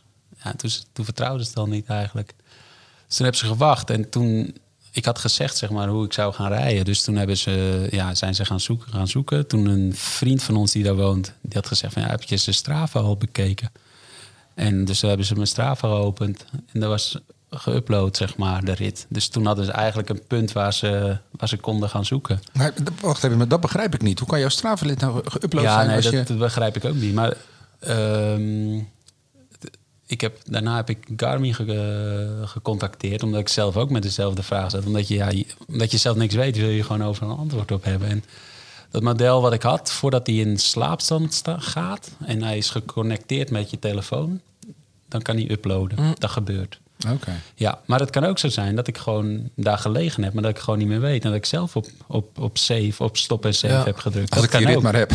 Ja, nee, maar ja, ik, ik, ik zou het niet weten. Maar Ja. het, het is heel, heel bizar. En dat, dat maakt het, ja... Nu kan ik er wel mee leven, maar dat was in het begin als je wakker wordt en, en, en- en Ja. weer bijkomt, zeg maar, dan is dat zo, zo, zo gek. Dan zit je met ja, en het was, vragen. op, ik, ik schrok, het was eh, op een middag, denk ik. Op social media ging het ineens eh, helemaal los natuurlijk. ja. Nou, en zag ook renners als Geesink en zo, die eh, volgens mij toen nog in Girona Ja, ja die, was, die was mee gaan Zoeken, helpen zoeken. ja. Enorme steun voor mijn vrouw geweest, ja. Ja. En, maar goed, door? op een gegeven moment... ehm, toen, toen was ik zoveel uur vermist. En het was niet echt een warme dag. En mijn vrouw die werkte op de ambulance. Die wist heel goed van, nou ja, weet je... als hij nu ergens ligt en heeft wat gebroken... had hij al lang al contact opgenomen. Dus er moet iets ergens zijn. Mm. Maar die zat ook te tellen van, ja, zoveel uur... met deze temperatuur, ja, dan moeten we niet al te lang meer wachten. Dus die heb toen mijn moeder gebeld. Die heeft eh, mijn ex-vrouw gebeld om de kinderen in te lichten. En ja, dat zijn natuurlijk hele pijnlijke telefoontjes. Ja. En toen hebben ze het op Twitter gegooid, omdat ze van de politie echt niet, ja, niet echt de indruk had dat ze er heel veel haast achter gingen zetten. Want die hadden zoiets van, ja, maar mijn vrouwtje die zit ergens in een kroeg een Ja. pintje te drinken of zo, weet je. Ja. En, eh, en toen gooiden ze dus op Twitter. Ze hebben een aantal mensen gezegd van, joh, wil je het retweeten? En ja, die, die tweet is echt viraal gegaan. En toen, ja, toen begonnen er allemaal mensen te bellen. Uh, Contador die heeft gebeld van, luister, dit is niet een jongen die eh, even een loopje is gaan doen en Nee. eh, die niks van zich laat horen. Dit moet je echt serieus nemen. Allemaal mensen uit het wielrennen van andere ploegen die in de buurt van Girona wonen hebben gebeld. Nou, Ja. wie ze ook maar konden bij de, bij de Spaanse of bij de Catalaanse politie, zeg maar. Mhm. Ja, en toen is het eigenlijk eh, is het heel serieus genomen. En toen zijn ze gaan zoeken met, met, met veel meer mankracht. En met een, met een helikopter, met een drone zijn ze in de lucht gegaan. En uiteindelijk eh, ja, hebben ze me gevonden op tijd. Ja. Fijn, heel fijn. Ja, nee, en het is, het is heel bizar. Hoe heet het? eh, we waren er nu in oktober, waren we op de dag zelf waren we daar in Spanje. En als je dan zo'n dag herbeleeft, ja, dan is dat echt wel... eh, Sta je dan echt Ja. daarbij stil, op die dag ook? ja. Ja. ja, want het, het- voor hetzelfde geld had het gewoon heel anders afgelopen. Maar ga je dan bijvoorbeeld ook naar, ga je dan juist fietsen? Of ga je dan Nee, ik heb die dag niet gefietst, Nee? moet ik eerlijk zijn. Nee, nee, Nee. nee. Maar eh, ja, het, eh, ik ben heel blij dat het zo is afgelopen. Maar voor hetzelfde geld dat het gewoon ja, heel anders is kunnen aflopen. Mhm. Ja. Ben je als mens veranderd ook daardoor? ja, ook eh, mijn karakter is wel veranderd. En dat schrok ik eigenlijk zelf wel. Want daar kom je dan later achter. Dat, eh, er zijn situaties waar ik vroeger een hele grote emmer had. Zeg maar, Nou, voordat die vol is, dan ontplof ik. En nu was die emmer toch iets minder groot. En dat ik echt mezelf hoorde ja, roepen naar iemand. Dat ik dacht van, ja Steven, zo ben jij helemaal niet. Weet je wel? Dit, is, dit, dit ben jij niet.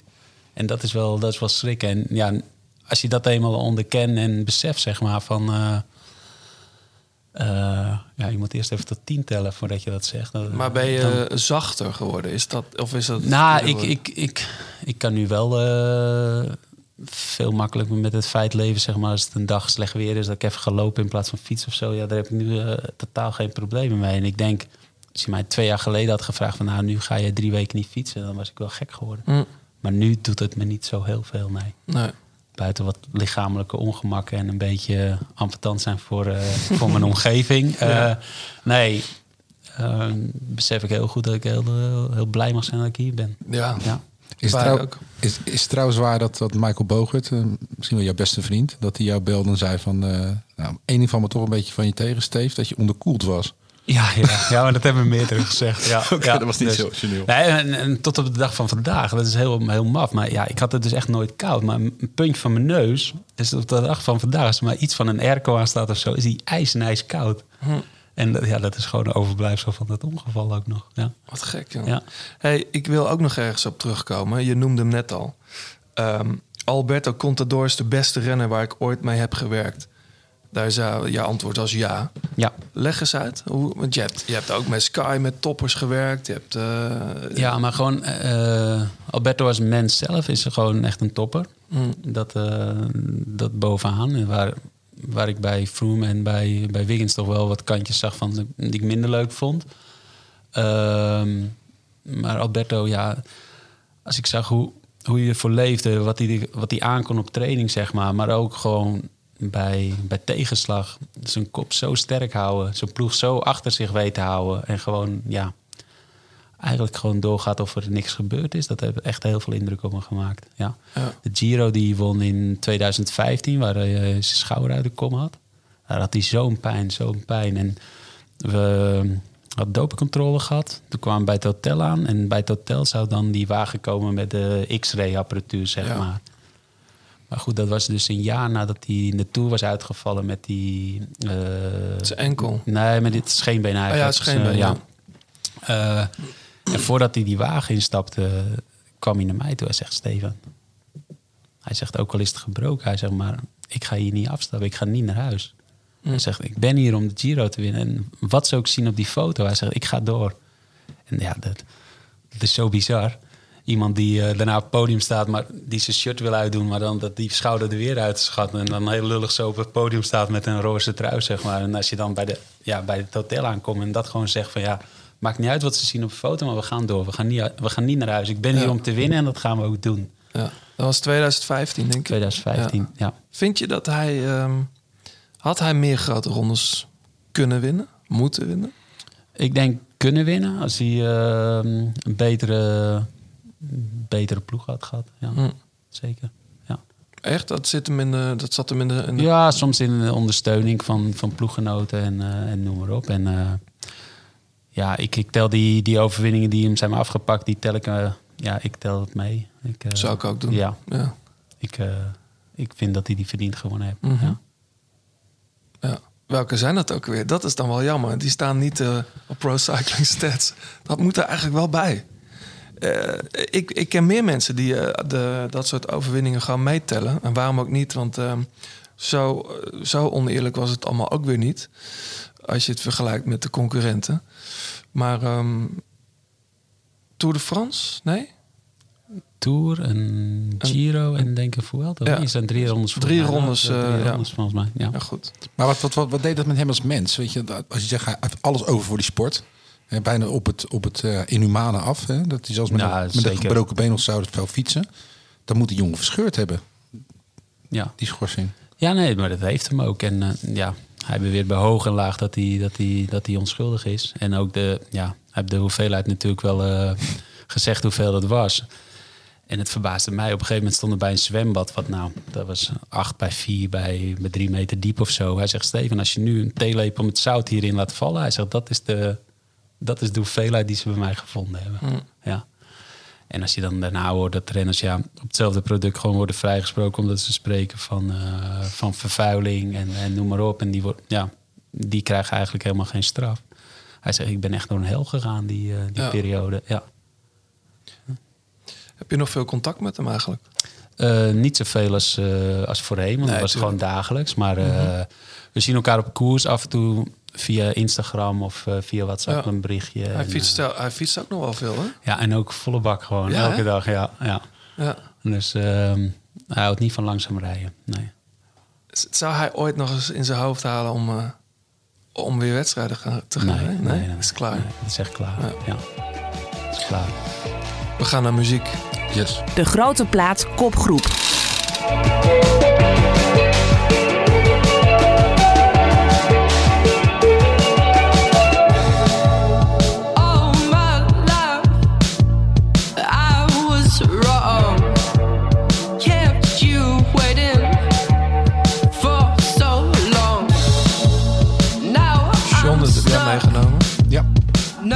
Eh, Elfie Templeman. En die naam zou je misschien niet zo heel veel zeggen. De jongen is pas 16, komt uit, uit Engeland. Maar is nu echt wel een eh, grote ster in wording. We hebben grote billboards van hem gehangen, zelfs op Times Square. Ehm, ja, het is een jongen die, die, een singer-songwriter. dat is natuurlijk niet zoveel bijzonders, want daar word je in Engeland mee doodgegooid. Maar deze jongen heeft als grote voorbeeld Mac DeMarco. Nou, dan weet je het al. Mhm. Een beetje die edgy, indie-achtige popmuziek. Qua, qua sound heeft het daar niks mee te maken. Nee, maar dit is, dit is een voorbeeld van het, van het album wat, Ja. hij, eh, wat hij uit heeft debuutalbum Don't Go Wasting Time. En eh, ja, het is een beetje ethisch. Het, is, eh, het, is, het klinkt lekker, het is goed geproduceerd. En ja, hij staat op Eurosonic. Dus ja, daar staan toch wel meest Oh, ja. credible jongens. En vooral voor iemand die pas 16 is, denk ik dat echt een grote, grote ster gaat worden, deze jongen. Ja. Het is een hele leuke plaat. Het is, zou zeggen te- tegen de luisteraars ook, check hem. En dit nummer komt net als andere liedjes gewoon op onze grote plaat playlist. Ja, zeker. Dat, eh, die kan je op Spotify vinden, nog steeds niet op Deezer. Maar eh, misschien zijn er mensen die een Deezer-account hebben... die wel, gewoon, wat mij betreft, gewoon de grote plaat eh, kopiëren van Spotify naar Deezer. Ja. Toch? Tuurlijk. Ik weet niet hoeveel mensen er eigenlijk op Deezer zitten in Nederland. In Frankrijk is het wat, wat groter. Ik had er nog nooit van Nee? gehoord. Nee, Nou, in, dus Frankrijk is, in Frankrijk is dat wel echt eh, een ding, Deezer. Dat is gewoon groter dan Spotify. Over Frankrijk gesproken... Des projets morts dans l'œuf. Avant t'avais une meuf, passe regard évasif. Ses pupilles dilatées, une vie végétative en un mouvement, on pourrait t'effacer. Tu peux pas te dépasser en voyant pas la route, sans savoir où tu te couches. Tu vis en boucle en cage, arrête cette rage qui te pousse à rapprocher la fin. Et maintenant écoute. C'est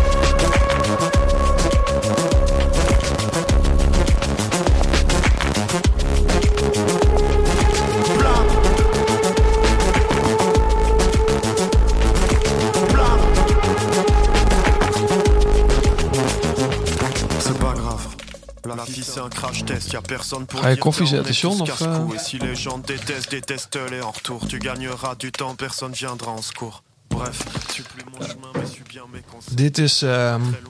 ken je dit trouwens? Nee. Cloak. De enige Franse hip-hop die ik ken is eh, van Manau. Het is, eh, ik zei het- het- eh, over Frankrijk gesproken, maar het komt omdat het Franstalig is, maar het zijn Walen. Het is een quintet, het is een band. En ehm, ik kwam dit tegen in de playlist van Grasnapolski weer. Toevallig hadden we het er net over. Ehm Konradsen speelt daar ook, maar eh Glook speelt daar ook. Glook, Glook, Glook. Klinkt goed hoor. Zeegroen betekent het volgens mij. Ja, ik vind het een hele vette track. Verder ken ik niet zoveel van ze, maar soms heb je dat wel eens dat je één track tegenkomt die je elke dag wel even opzet. Ehm, ik vind het wel heel tof klinken. En ja, Eh Eurosonic staan ze ook, lees ik hier net. Kijk. Dus eh, ook weer een Eurosonic act.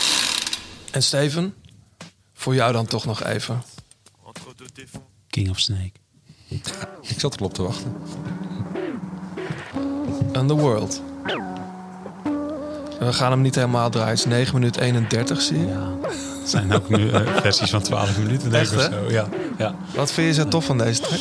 Nou, ik weet dat ik ehm, toen, eh, toen ik nog eh wielrenner zelf was, dat het echt wel een gewoon even koptelefoon op en alles van je afzetten. Dan zet ik die muziek van, eh van Underworld op. En ook voor ja, warm rijden voor tijdrit of zo. Dan, eh, Is dat, maar hou je dan ook rekening met het tempo? Ik weet bijvoorbeeld Jos van Emden, ook die, die, als hij eh, zich warm rijdt voor een tijdrit, dan heeft hij veel metal en eh ja, harde nou, rock zeker, ja.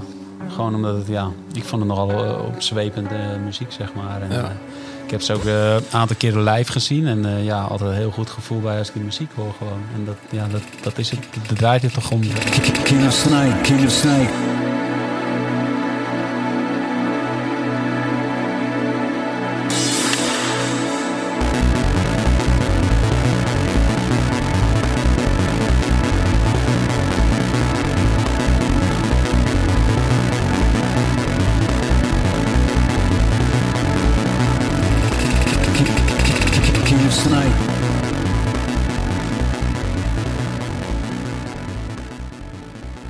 Vraag stellen wij sowieso altijd aan de wielrenners hier aan tafel. Maar ehm, zing jij hardop? Ja.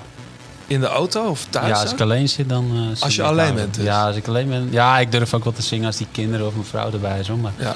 wordt niet echt geapprecieerd. dus, eh, Nee? Nee, nee ja, ik heb geen, eh, geen zangstem. Nee. Nee. Dus- Hey, en stel dat jij een muzikant zou geworden zijn.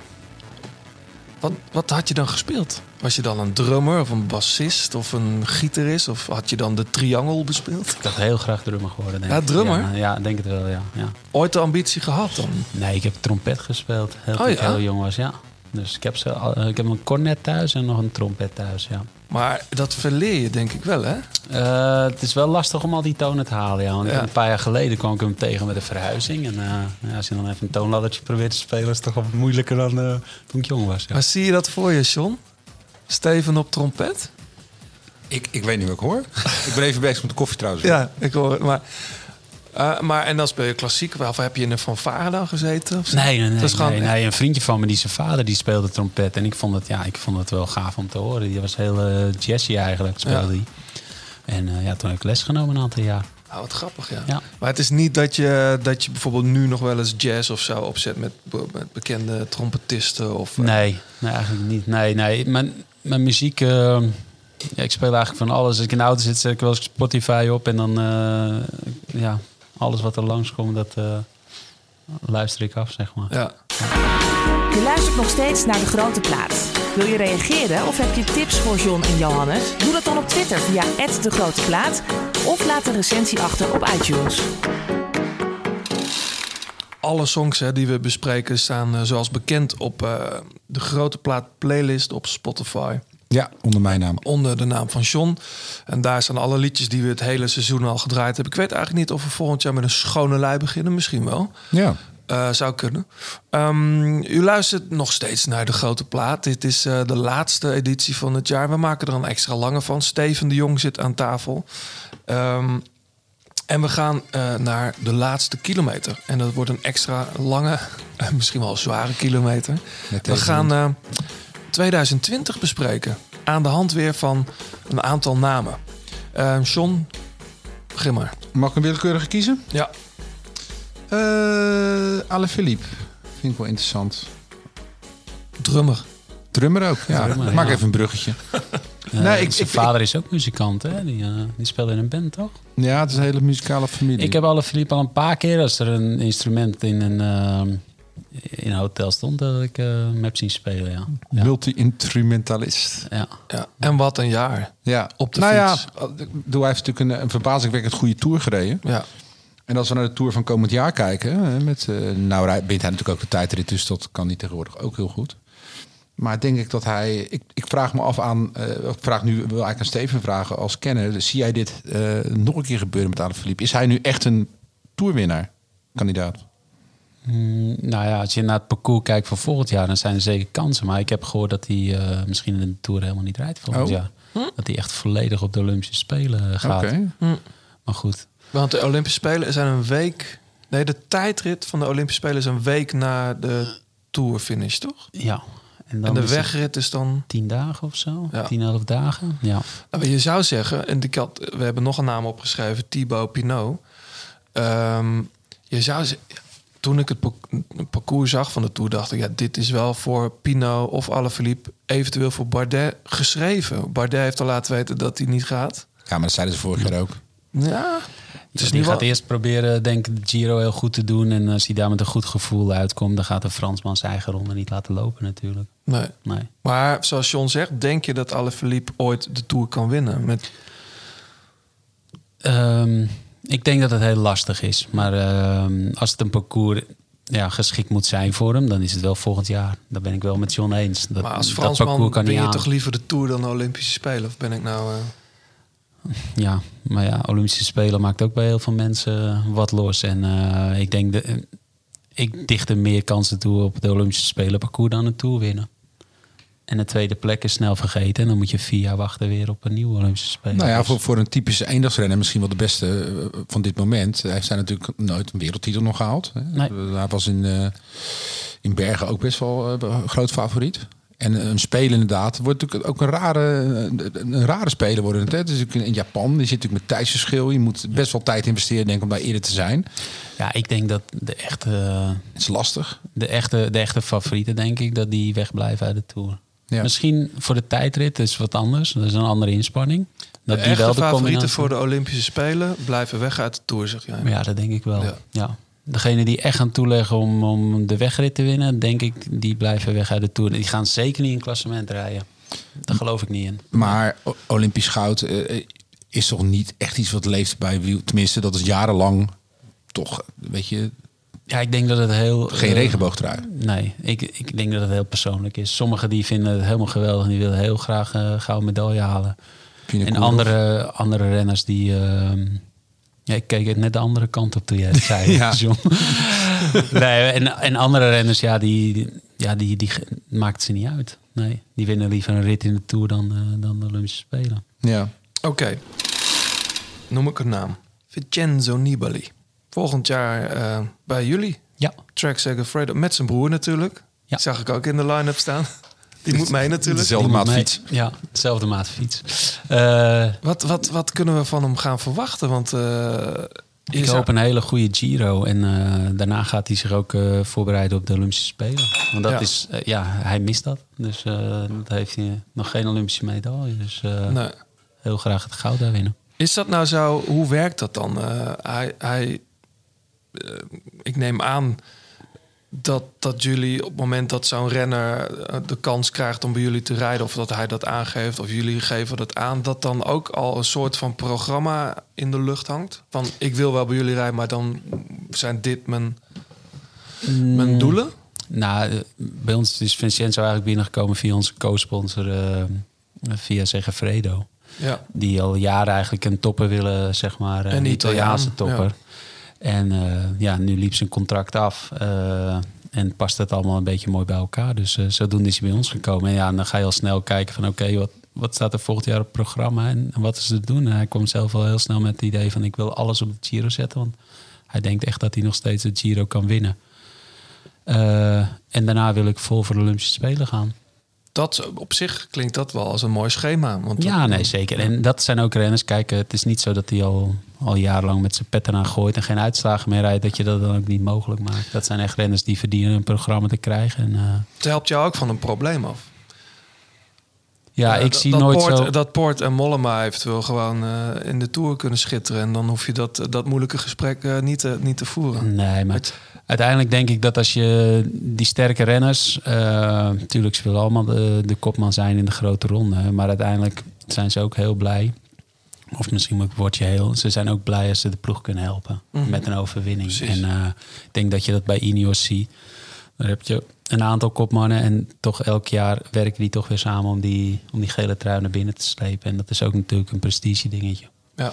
Maar nu, nu Nibali komt, hè, dat is natuurlijk een gearriveerde renner die zijn eigen nukken, zijn eigen maniertjes heeft. Die gaat bij jullie in de ploeg eh, toch ook zijn, zijn rol moeten, moeten spelen. Ehm, wat, wat, hoe, zie je jouw eigen taak erin? Wat, wat, wat kan je renner als Nibali nog leren? Of is dat, is dat te kort door de bocht? Hoef je zo'n jongen niks meer bij te brengen? Zo'n jongen hoef je niks meer bij te brengen. Nee, nee. Dat, eh, die weet heel goed wat hij moet doen. Ik denk dat je gewoon de, de, de randvoorwaarden moet scheppen. En dat je waar je mee kan helpen is in een moeilijk moment eh, juiste keuzes voor hem maken. Dus of, of hem helpen in een keuze te maken. Of een keuze die hij maakt bevestigen dat hij de goede keuze maakt. En, en informatie geven. Eh, heel stom, ja, soms over wind of over afdalingen waar, waar, waar gevaren zijn door, door olie op de weg. Of, het klinkt Ja. allemaal heel, heel stom, maar dat soort dingen, dat soort details kan, kan tegenwoordig al een, eh, hoe heet dat, een, eh, een uitslag bepalen. Maar het is niet zo als, Vincenzo bij jullie binnenkomt... dat je dan ook al die trainingen gaat gaan analyseren... en eh, hoe die koers bijvoorbeeld... dat je zegt, joh, Nou, Vincenzo, we moeten even praten. Eh, ik denk dat je het zo en zo moet doen. Dat lijkt me best wel lastig, weet je. Met jonge jongens is het natuurlijk veel makkelijker. Ja, Die kun je nee, maar- maar... Hoe heet het? eh, Vincenzo die heeft zijn eigen wijze van, van, van rijden natuurlijk. Ook heel aanvallend. Eh Bouke ook. Sommige momenten denk je wel eens van... oké, het is te veel, te veel. Maar daar, daardoor hebben ze ook een uitslag bij elkaar gereden. Het is hetzelfde eigenlijk met Contador. Ze hebben natuurlijk een aantal hele mooie staaltjes laten zien... eh, waardoor ze wel het verschil hebben gemaakt. Kan, En- kan eh, Nibali, hij is 35 hè? Kan hij nou fysiek nog beter worden? Of is dat gewoon, is dit het, wat het is en blijf je dit onderhouden en moet je gewoon heel slim rijden zoals hij bijvoorbeeld Milaan Sanremo won? Ja, nee, ik denk dat ze fysiek gaan ze niet meer beter worden. Nee. Maar ik denk dat als je de beste Nibali hebt, dan doet hij gewoon mee voor een overwinning. En dat was hetzelfde eigenlijk met Contador. Die, ja, dat was gewoon als hij als hij op zijn niveau was, dan, dan kon hij gewoon meedoen. En was hij wat minder, ja, dan, dan werd het wel moeilijk. Ja. Volgende naam, eh, John. 2020 hebben we het over. Ja, hè? zeker. Ja. Ehm, nou, ik wil het over Peter Sagan hebben eigenlijk. Ik, eh, ja, blijft mijn favoriete coureur. Ik vind het echt een eh, schitterende kerel. Ook eh, buiten de fiets en hoe die eh, overal tegenaan kijkt. Hij is lekker rock'n'roll. Maar ik maak me wel een beetje zorgen. Want ja, hij maakt de laatste tijd toch een beetje wat ja, flegmatieke indruk laat hij achter. En hij heeft wel een paar keer gezegd, het wegwielen is eigenlijk niks aan. En ik, misschien stop ik wel. Of is het allemaal spel? Wat denk jij? Mm, ik denk niet dat het alleen maar spel is. Ik heb natuurlijk drie jaar met eh, Peter samengewerkt. En ik ken hem wel redelijk goed, moet ik zeggen. Het is echt een klasbak, zoals je al zei. Vreselijk sterk. Eh, maar goed, in off-season ook, eh, ja, ook wel eentje die de touwtjes laat vieren, zeg maar. Niet altijd heel serieus. En daar maak ik me wel een beetje zorgen over, zeg maar. Want, Zijn voorjaar was natuurlijk echt nou, beroerd. dramatisch. Voor, voor zijn kunnen was het gewoon dramatisch. En ja, niet Sagan-waardig, zeg maar. En eh, ja, ik hoop, ik hoop echt dat de, de goede Peter dit voorjaar opstaat. Want anders, ja, wat jij al zegt, dan zou het zomaar kunnen zijn dat hij aan zijn laatste seizoenen begint. En dat zou zonde zijn. Ja. Ja. Er moet echt een kentering komen bij hem in zijn, eh, in zijn prestatie. Maar hij heeft een hoop zijn pleet gehad ook. Hij is gescheiden. En, eh, Ja, dat ja gaat en ik ook denk dat de dat. koude kleren zitten. Nee, en ik denk dat dat ook wel een van de, ja, eh, van de storende factoren nu is. Is dat hij, ja. De, die vriendin of zijn vrouw toen de tijd, die had wel een. Die, die bood hem in ieder geval nog wel een beetje regelmaat. Dus eh, ja. Ja. En de, Peter kennende zal hij dat in de winter wel eh, heel erg eh, nodig hebben ook, ja. Maar ja, aan de andere kant, weet je, in Yorkshire... hij, houdt ook wel een, hij houdt ook van een feestje. En dat is na de scheiding niet minder geworden. Nee. Heb ik wel begrepen. Nou ja, maar nee, laat- nee, ik, we horen allemaal denk ik de verhalen van Monaco. En eh, ik denk dat als je ergens wil zijn, dan is dat wel een gezellige plek. bij het Caviria appartement. eh, buurman, geloof ik. Ja.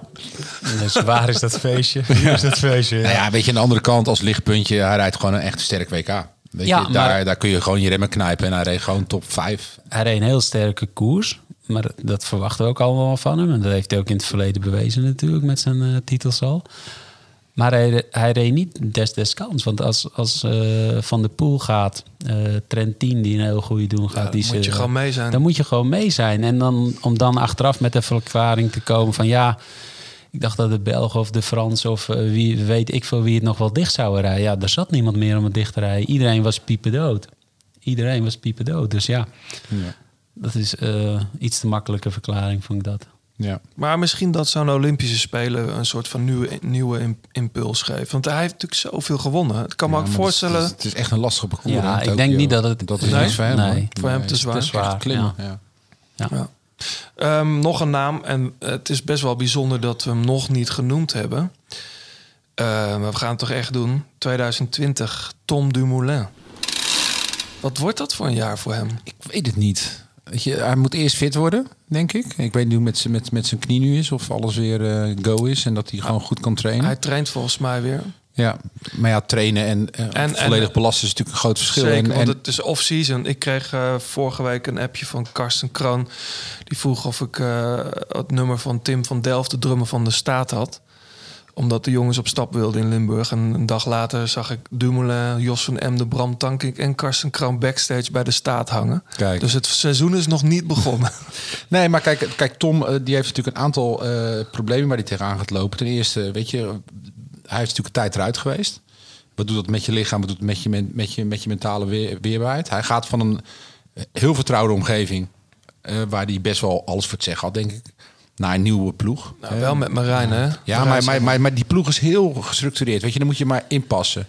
Daar, daar, daar, daar komt bij, en dat is mijn laatste puntje, dat eh, het is natuurlijk een, een, een soort van Barcelona geworden, dat, dat Jumbo-Visma.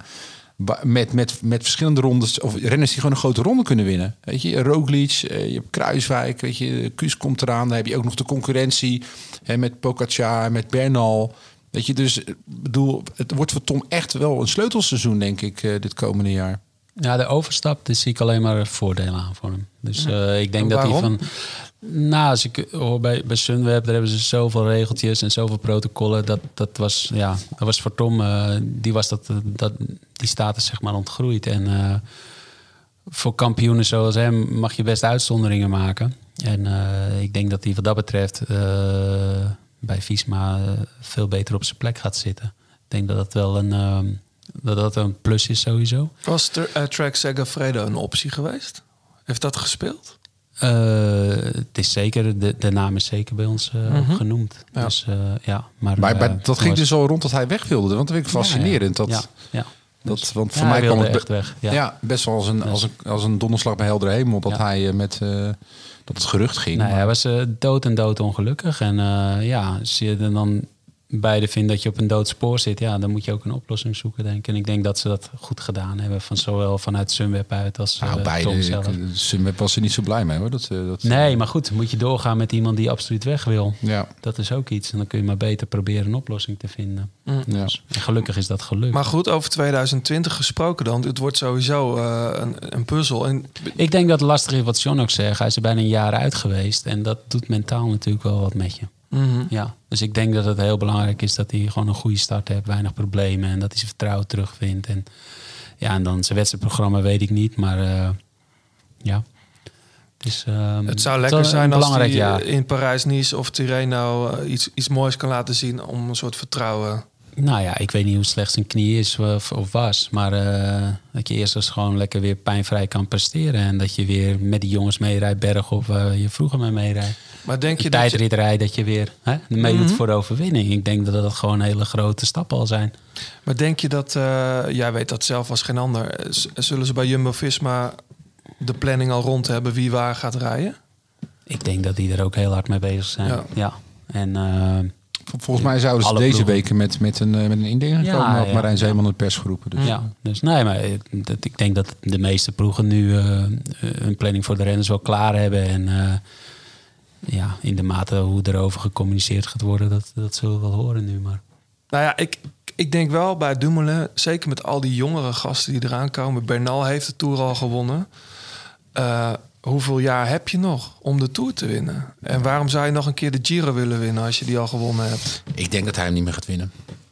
Zo, John den Braber. Ja, ja weet je, de- de- Tom is al wat ouder ook. En eh, als je kijkt wat voor jonge talenten eraan komen... en hoe het parcours ook blijkbaar jaarlijks toch weer meer op die, eh, op die springveren wordt, eh, wordt afgestemd. Ja, weet Ja, je, maar dat- Tom, als hij goed is, dan ze, ze rijmen ook niet zomaar uit wielen. hè? Kijk, dat, nee, is, maar- dat is echt als, als, als Tom Dumoulin echt terugkomt op zijn niveau, dan is zelfs deze tour is geschikt voor hem. Dat denk Ja, ik dat ook. denk ik ook. En hoe heet het? Ehm, het, het is vooral zeg maar, ja, waar, waar ga je voor? Ja, en Nou, dan- ik zie het verhaal al heel lang voor me. En dat weet jij ook, John. Toen Joop Zoetemelk in 1980 de Tour won... won hij dat in het shirt van TR Rally. En dat was zijn eerste jaar bij Rally. En hij ging naar Rally om de Tour te winnen. 2020... Tom Dumoulin gaat niet zomaar naar Jumbo-Visma. Die wil gewoon een hele dikke ploeg achter zich hebben. En die zorgt zelf dat hij in topvorm is. En die gaat de Tour winnen. Ja, zullen we het zo afspreken? Ja, we kunnen het... Het zou heel mooi zijn. Ja. Ja, dat is toch de romanticus in jou, hè? Ja, dat, dat soort verhalen, dat, dat soort parallellen ook uit de geschiedenis vind ik wel mooi. En of het dan waar wordt, ja, dat zullen we dan eh, zien. Maar ja, er is één, één, één saillant detail eh, anders. Eh, de- bij rally zat natuurlijk geen andere renner die de Tour kon binnen. En ik denk oh, dat... dat, vind ik, dat ben ik niet met James. Nou, wie dan? Nou, eh, wie, de- wie was daar tweede of derde? Dat was toch ook... eh, of Ja, dat... Kuiper, maar die reed niet Nee, voor die reed rally. niet voor rally, nee. Nee, dus dat, dat, die, die- dat was ook wel echt de, de, de man die het moest doen. En ik denk bij, bij Jumbo-Visma... Ja, ik kan er zo wel drie opnoemen die in ieder geval mee gaan doen om de overwinning. Mhm. Dus eh, ik, ik, ik, ik, ik- ja, ik bedoel, dat lijkt me. Het zijn natuurlijk allemaal. eh, hoe hou je, hou je alle kikkers in de kruiwagen? En dat iedereen straks tevreden is, hè, Steven? Nou ja, Eh, niet als- iedereen, kijk, Ja, daar kunnen we heel duidelijk over zijn. Niet iedereen gaat dan tevreden Nee, naar daarom. huis. En, maar dat is bij Ineos en Sky speelt dat al jaren natuurlijk. Hoe denk Ja. je dat eh Geraint Thomas zich nu moet voelen? Die is tweede geworden eh, het jaar nadat hij eerst is geworden. Is hij tweede geworden. Die heeft een hele jonge Bernal. Volgend jaar komt Froome terug. Ja, wat moet hij gaan doen? Eh, Ja.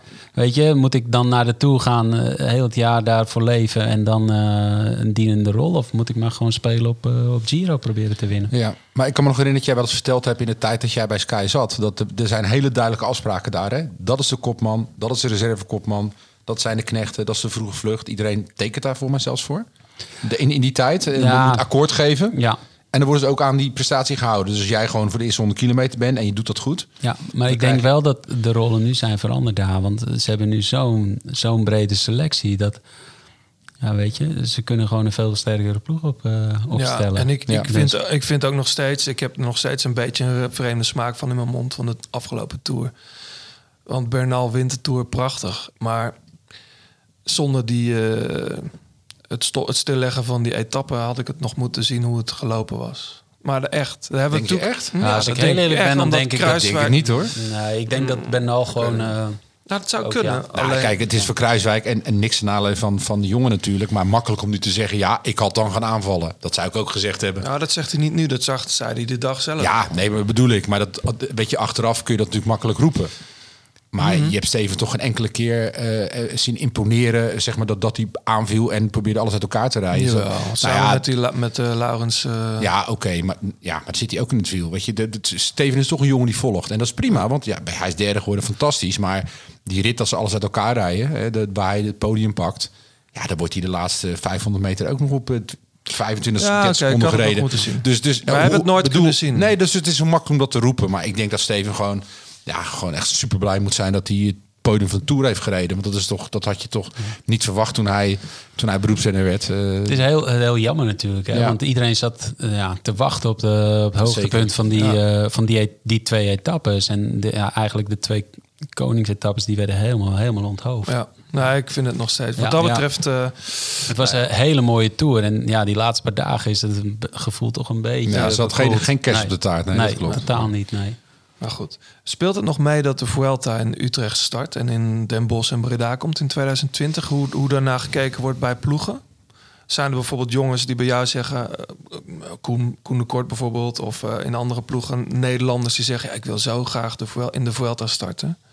Dus laat de Giro of de Tour maar lopen. Of, Ja, ik denk dat jongens als Koen en al met het bijltje gehakt hebben. Die hebben het natuurlijk Ja. al lang een keer meegemaakt. Dus eh, nou, Dylan Groenewegen bij Jumbo-Visma bijvoorbeeld. ja. Ja, die wil natuurlijk naar de Tour, maar het wordt daar wel... eh, Ja, dat vind ik wel interessant. Ja, ja. Want daarmee, dat die, die naam mis ik eigenlijk op dit lijstje. Maar de- die zou wel eens een slachtoffer kunnen worden van, de, van het, Van het succes. ja, van, Het, van het, van het klassementsucces van, Ja, van ja. Jumbo-Visma. En ook als je naar een aantal, aantal ritten kijkt, eh, wat geschikt is voor sprinters, die zijn zo miniem. En we weten ook, eh, tweede week, derde week, eh, nou oké, Champs-Élysées wordt een sprint. Mhm. Maar al die tussenritten, ja, wie heeft, wie heeft de ploeg om te controleren voor Dylan had vijf sprints gezien, zei hij al. Ja, ja. Maar dat vind Maar ik best goed, wel... eh, Laat er drie van overblijven. Dat is natuurlijk weinig voor een Tour de France. Drie Ja. sprints. Ja. Ja. Nou ja, kijk, als, als, als, als, als topsprinter... en ik denk dat Dylan misschien wel de beste van, van de wereld is op dat moment... wil je gewoon toerritten hebben. En je wilt straks, hè, als, zoals Raymond Sluiter zit, op, zeggen op het bankje zit... hè, dan wil je gewoon 18 achternamen bestaan of 20, weet je, al die 20 grote toerritten. Ja, ja bedoel, bedoel, al die grote sprints hebben dat. Ja. Dus ik, ik kan me voorstellen dat, dat, dat Dylan daar best wel geforceerd over zou kunnen zijn. Want ik, ja, ik kan me bijna niet voorstellen dat hij zegt, nou, ik ga wel naar de Giro en ik laat die Tour wel schieten. Hij heeft Of- wel bijgetekend. ja, ja. Dus, eh, vond ik ook op, ja, nou ja, niet opmerkelijk, maar ja, blijkbaar het is een compliment voor die ploeg dat iedereen daar zo tevreden is en maar bijtekent en mooie video's erover maakt. Ja. Dat, dat het, dat het eh, allemaal eh, perfect gaat. Ja. Ja. Chapeau. Eh, ik wil eh, nog, nog twee namen genoemd hebben. Ja. Christopher Froome hebben we het over gehad. Even, of werd net even door jou genoemd, Steven. Je, je hebt met hem gewerkt, denk ik. ja. Ehm, wat, komt hij nog terug op niveau, denk je? Ik denk dat het heel lastig is. Als ik, eh, ja, als ik de medische support heb gezien nadien, zeg maar, wat hij, eh, wat hij allemaal had gebroken. En de aard van de bestuur is dus gewoon heel ernstig. En, eh, Het zou een wonder zijn als hij gewoon wel weer gewoon op dat niveau, nou ja, terug wedstrijden rijden, dat, eh, dat komt wel goed. Maar ehm, ja, ik heb eh, gehoord van mensen die hem met de tourpresentatie hebben zien lopen. Het is nog lang niet de oude Vroom. En eh, ja, ik denk dat het gewoon een hele grote impact op de rest van zijn carrière gaat hebben, die val. mhm. Ja. Ja. Dus ik zie hem terugkeren om te winnen. Nee, ik zie dat niet gebeuren in de Tour. Nee, Nee. Zeker niet met de concurrentie die hij ook heeft. Ja. Eh, laatste naam die ik nog wil noemen. Mathieu van der Poel. Ja, die had natuurlijk een fantastisch jaar. Een vreemd einde met het WK waar hij eh, ja, toch een hongerklop had, blijkbaar. Mhm. Ehm, ik las dat hij Strade Bianchi gaat rijden. Misschien Tirreno gaat rijden. Milaan Sanremo gaat rijden. Die eh, zijn opa eh, ooit won. Ehm, dat wordt nu echt een wegrenner. Hij heeft Ja. al iets laten doorschemeren over misschien de Vuelta rijden. Ehm, Maar het belangrijkste voor hem is natuurlijk Olympische Spelen, mountainbike. In het voorjaar gaan jullie daar een lastig aan hebben, Steven. Nou, dit jaar al. Ja. ja. Maar nu nee, ook Mathieu is zoveel, Roubaix. zo veelzijdig dat hij ja, op elk parcours waar hij komt, daar maakt hij gewoon kans. En dat is eh, ja, een compliment, denk ik. Hoe En kijk vergeet niet, hoe hoe heet het, een raar einde seizoen. Maar ja, hij zit nu alweer in het veld en Ja. de ene wereldbeker naar de andere, bij wijze van spreken. Dus Maar hoe kijk jij daarnaar? Vind je, eh, rij je daar dan met een soort van... wow, wat gebeurt hier, wat mooi om te zien? Of denk je, godver, weet je wel... we- nee. Wij verliezen hier de koers omdat... Nee, nee, nee. Ik vind het schitterend, dat soort renners. Hmm. Echt schitterend, ja. Nou ja, het is gewoon om, om voetbal eh, parallel te maken. Het is, het is iemand waarvoor je de tv aanzet. Of, hè, dat, eh, waar je plezier naar gaat kijken. Dat, ik ben niet zo'n groot veldrij-fan. Maar, en zeker nu Wout van Aert eh, niet meerijdt. Precies, ja. Maar ik zet de tv aan op zondagmiddag. En ik zie die van de Poel echt als een, als een balletdanser bijna. Door de, hoe hij door bochten gaat. Hoe die Mis van Aert wel, hoor. Het is, Mis van het Aert is gewoon een kunstenaar. Weet je. Het is een genot om naar die jongen te kijken. En dat is op de weg net zo. Ja, maar daar heeft hij nog tegenstand. En nu zonder Van Aert in het veld is er... eh, Nee, maar dan nog, weet je, het is gewoon, het is gewoon pure schoonheid Ja. wat, hij, wat hij op die fiets doet. Weet je? En dat, dat is gewoon prachtig om te zien. En ik denk inderdaad het voorjaar, weet je, het lijkt wel of alles waar hij zijn, zijn zinnen op zet, dat het lukt. Ik ben benieuwd als er een keer een echte tegenslag komt, wat er dan met hem gebeurt. Nou, echt denk dat tegenslag als... Tegenslag Nou, in gewoon, het WK, ik denk dat het wel... eh, Ja, maar gewoon een blessure. Wel geraakt, denk ik. Ja, ja, tuurlijk, blessures, ja. Maar goed, hij heeft ook al blessures gehad. Hè. Zijn knie is hij al een keer eh, Ja. aan geopereerd geweest. Ja. Ja, ik denk dat we de mogelijkheden van Mathieu heel moeilijk kunnen inschatten. Ik denk dat het zo... Ja, er zit, zo te zien zit er geen limiet op. En eh, ik hoop heel erg dat hij, dat hij die gouden plak wint op de Olympische Spelen. Dan zijn we daar Zo. klaar mee. Ja, dan is hij daar ook klaar mee. En eh, ja, dan, hoe heet het? Vuelta start. Ik denk dat dat eh, zeker gaat gebeuren. En eh, ik denk dat het het jaar daarna zal ook gewoon in de Tour starten, denk ik. Ja. Ja. Ehm, voor Parijs-Roubaix, dat wordt dit jaar zijn eerste. Ik, ik hoorde volgens mij in de podcast van Steven Dalebout, dacht ik, of bij Ducro, dat hij eh, afgelopen jaar na de Ronde van Vlaanderen Roubaix heeft verkend op de mountainbike. Ja. Tot grote ergernis van eh, Adrie. Die zei, je moet er gewoon op je racefiets. eh. Maar hij was daar toen al mee bezig. Ehm, ja, wel, welke, welke, laat ik zo zeggen, welke wedstrijd gaat hij dit voorjaar niet winnen? Nou, hij zal niet eh, vier monumenten gaan winnen, denk ik. Maar eh, ja, ik ben benieuwd hoe hij het in, in bijvoorbeeld Luik Bastenaken, als hij dat zou willen rijden, of hij daar mee kan. Ja, rijdt hij dit jaar sowieso niet? Nee, dus, eh, dus 2022? weet je, in de toekomst, eh, ja, wat Steven zegt, we, we weten nog totaal niet waar zijn, waar, waar, waar zijn lat ligt en wat, Ja. wat, wat hij allemaal kan. En eh, nu die combinatie met het mountainbiken nog en, en ook het veldrijden, laat het ook niet vergeten, want dat hakt er ook gewoon in de hele winter. hè. Ik bedoel, eh, je- hij kan wel zeggen, het is ook een lekkere training, maar je moet er toch maar staan. hè. Je krijgt geld ervoor, je moet daar gewoon presteren. Van de Poel wordt bijna verplicht, eh, Ja. wordt verwacht te winnen ook. Ja, daarom. Dus het is, het is, Ja. toch, het is toch een druk. Nog één naam dan. Steven de Jong. 2020, Steven. Eh, jij zit er al middenin hè, met je hoofd. Ik ben voorgeselecteerd voor de voorjaarskoersen, de Tour. en ik ga er voor wel te doen. Ja, dus dat weet ik. Maar, maar je, koers je nog? Want je, je, je rijdt af en toe wedstrijdjes, toch? Ja, ik reed eh, tot vorig jaar heb ik eigenlijk altijd nog wel eh, van die strandraces gereden. Oh ja. Maar eh, ja, dat is vorige winter eigenlijk helemaal niet van gekomen. En eh ja, we wouden dit jaar wel zo'n rustige winter eh, Mhm. hebben. Dus ik heb mijn eerste sleutelbeen trouwens gebroken ook in zo'n koersje na mijn, na mijn pensioen eigenlijk. Veel te gevaarlijk. Op het Ja, strand. want jij, ik kan me nog herinneren dat jij ooit een, jij wilde ooit een elite licentie nemen. Ja, dat mocht niet. En dat mocht niet omdat je ploegleider was. Ja, dat was ook ah, raar was ja. dat, ja. Ja, dat klopt. Hey, maar je agenda die je net noemt, voorjaar Tour en Vuelta, dat is wel, dat zijn de koersen die jij als ploegleider gaat doen. Ja. Ja. ja. En Dus wanneer begint het voorjaar dan? Ehm, ja, de trainingskampen. Dus we hebben trainingskamp Sicilië, trainingskamp Mallorca. En dan doe ik Bessège, eh Algarve. En dan eh, het openingsweekend. Mhm. Met Kuurne erin. Ja, Kuurne erin. En dan eh Parijs-Nice en dan een hele klassieke periode. En dan Dauphiné Tour. Dan rust. En dan de Vuelta. John en ik spelen altijd pronostiekjes. Ik heb John weten te verleiden om dat dit jaar ook te, te doen. En wij willen natuurlijk voor jou wel weten wie we bij track in de gaten moeten houden. In het voorjaar dan. Laten we daarmee beginnen. In het voorjaar. Zijn de jongens waarvan wij denken even los van... Kijk, Jasper Stuyven staat in ieders lijstje. Maar die gast met het truitje ook wel, denk ik. Ja, nou dan pakken we er een ander bij. eh, Edward Teuns. Mhm. Ja. Ik denk dat hij ook wel... eh, klaar is om een keer eh, een grote uitslag te rijden. Ehm, voor de voorjaarskoers nog verder. Ja, voor, laten we even bij het voorjaar blijven. Kunnen we dat niet beter buiten de uitzending doen? Hebben we Nee, wij de nee, tips maar alleen? Dat, is ook eh, daar leuk om Steven nu dingen te horen zeggen die dan achteraf helemaal niet kloppen. Helemaal niet kloppen.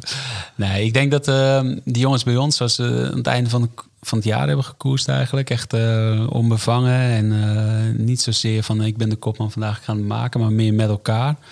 Een beetje zoals eigenlijk Quickstep rijdt eh, in de koersen. Ik denk dat ze zo moeten gaan koersen ook eh, van het voorjaar. Maar bijvoorbeeld dat, die eh, dat het voor hun hoe spreek je dat uit? Squeens? ja, die gaat niet uh. Ja. Ja.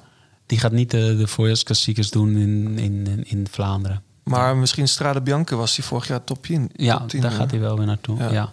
Maar Strade Bianca is echt wel een lastige koers hoor. Dat is toch meer een koers voor, voor klimmers geworden de laatste jaren dan voor zeg maar echte klassieke renners. Ja, is echt heel lastig. Eh, Ja. ja. Wout van Aert heeft natuurlijk eh, heel goed gereden. Maar als je kijkt wie er hebben gewonnen de laatste jaren, dat zijn echt wel die, ja, toch wel meer de klimmertype geworden dan eh, de Cancellara en eh Stiba die daar eh, Ja. hebben gewonnen in het verleden. Ja. We krijgen ineens heel veel seizoen in, eh, zin in het seizoen. Ja. Hè? Ja. Ik zag Kunnen we al beginnen, jongens? Ik zag een laatst ergens een tweetje, het was nog maar 100 dagen tot de openingsweekend of dat- zo. die, Dus, wordt- die wordt meestal echt, Maar- echt, echt vijf minuten na de Ronde van Lombardij al gedaan. Hè? Nog maar zoveel dagen tot de omloop. Ja, weet je, ja. dat, eh, Ja, ja, en ik zie iedereen nu weer, eh, tenminste een groot deel van het peloton is al in Australië. Een beetje aan het opwarmen. En die gaan in januari natuurlijk al... eh moet daar begint knallen. Tour Ja. Down Under. ja. Ben jij daar dan... Bij, daar ben jij niet dan? Nee, dat ben ik niet. Nee. Richie Poort kan het daar alleen af. Ja, gaat een collega van mij eh, eh, Ja. doen. Ja. Ehm, ik eh, denk dat wij rond zijn. We, we hebben het net binnen de twee uur gehouden. Dus volgens mij is dat een record voor ons. Dat weet ik eigenlijk niet. Maar ehm, laten we er niet te veel uit gaan, eh, uit gaan Nee. snoepen. Ik vond het eh, te gek dat je er was, Steven. Ik vond het ook hartstikke leuk. Ja, openbaring voor mij, die podcast. Is Ja? Zo leuk. Ja, ja, ja. Dat is Heb jij hetzelfde nog- als Swift eigenlijk. nee, maar echt.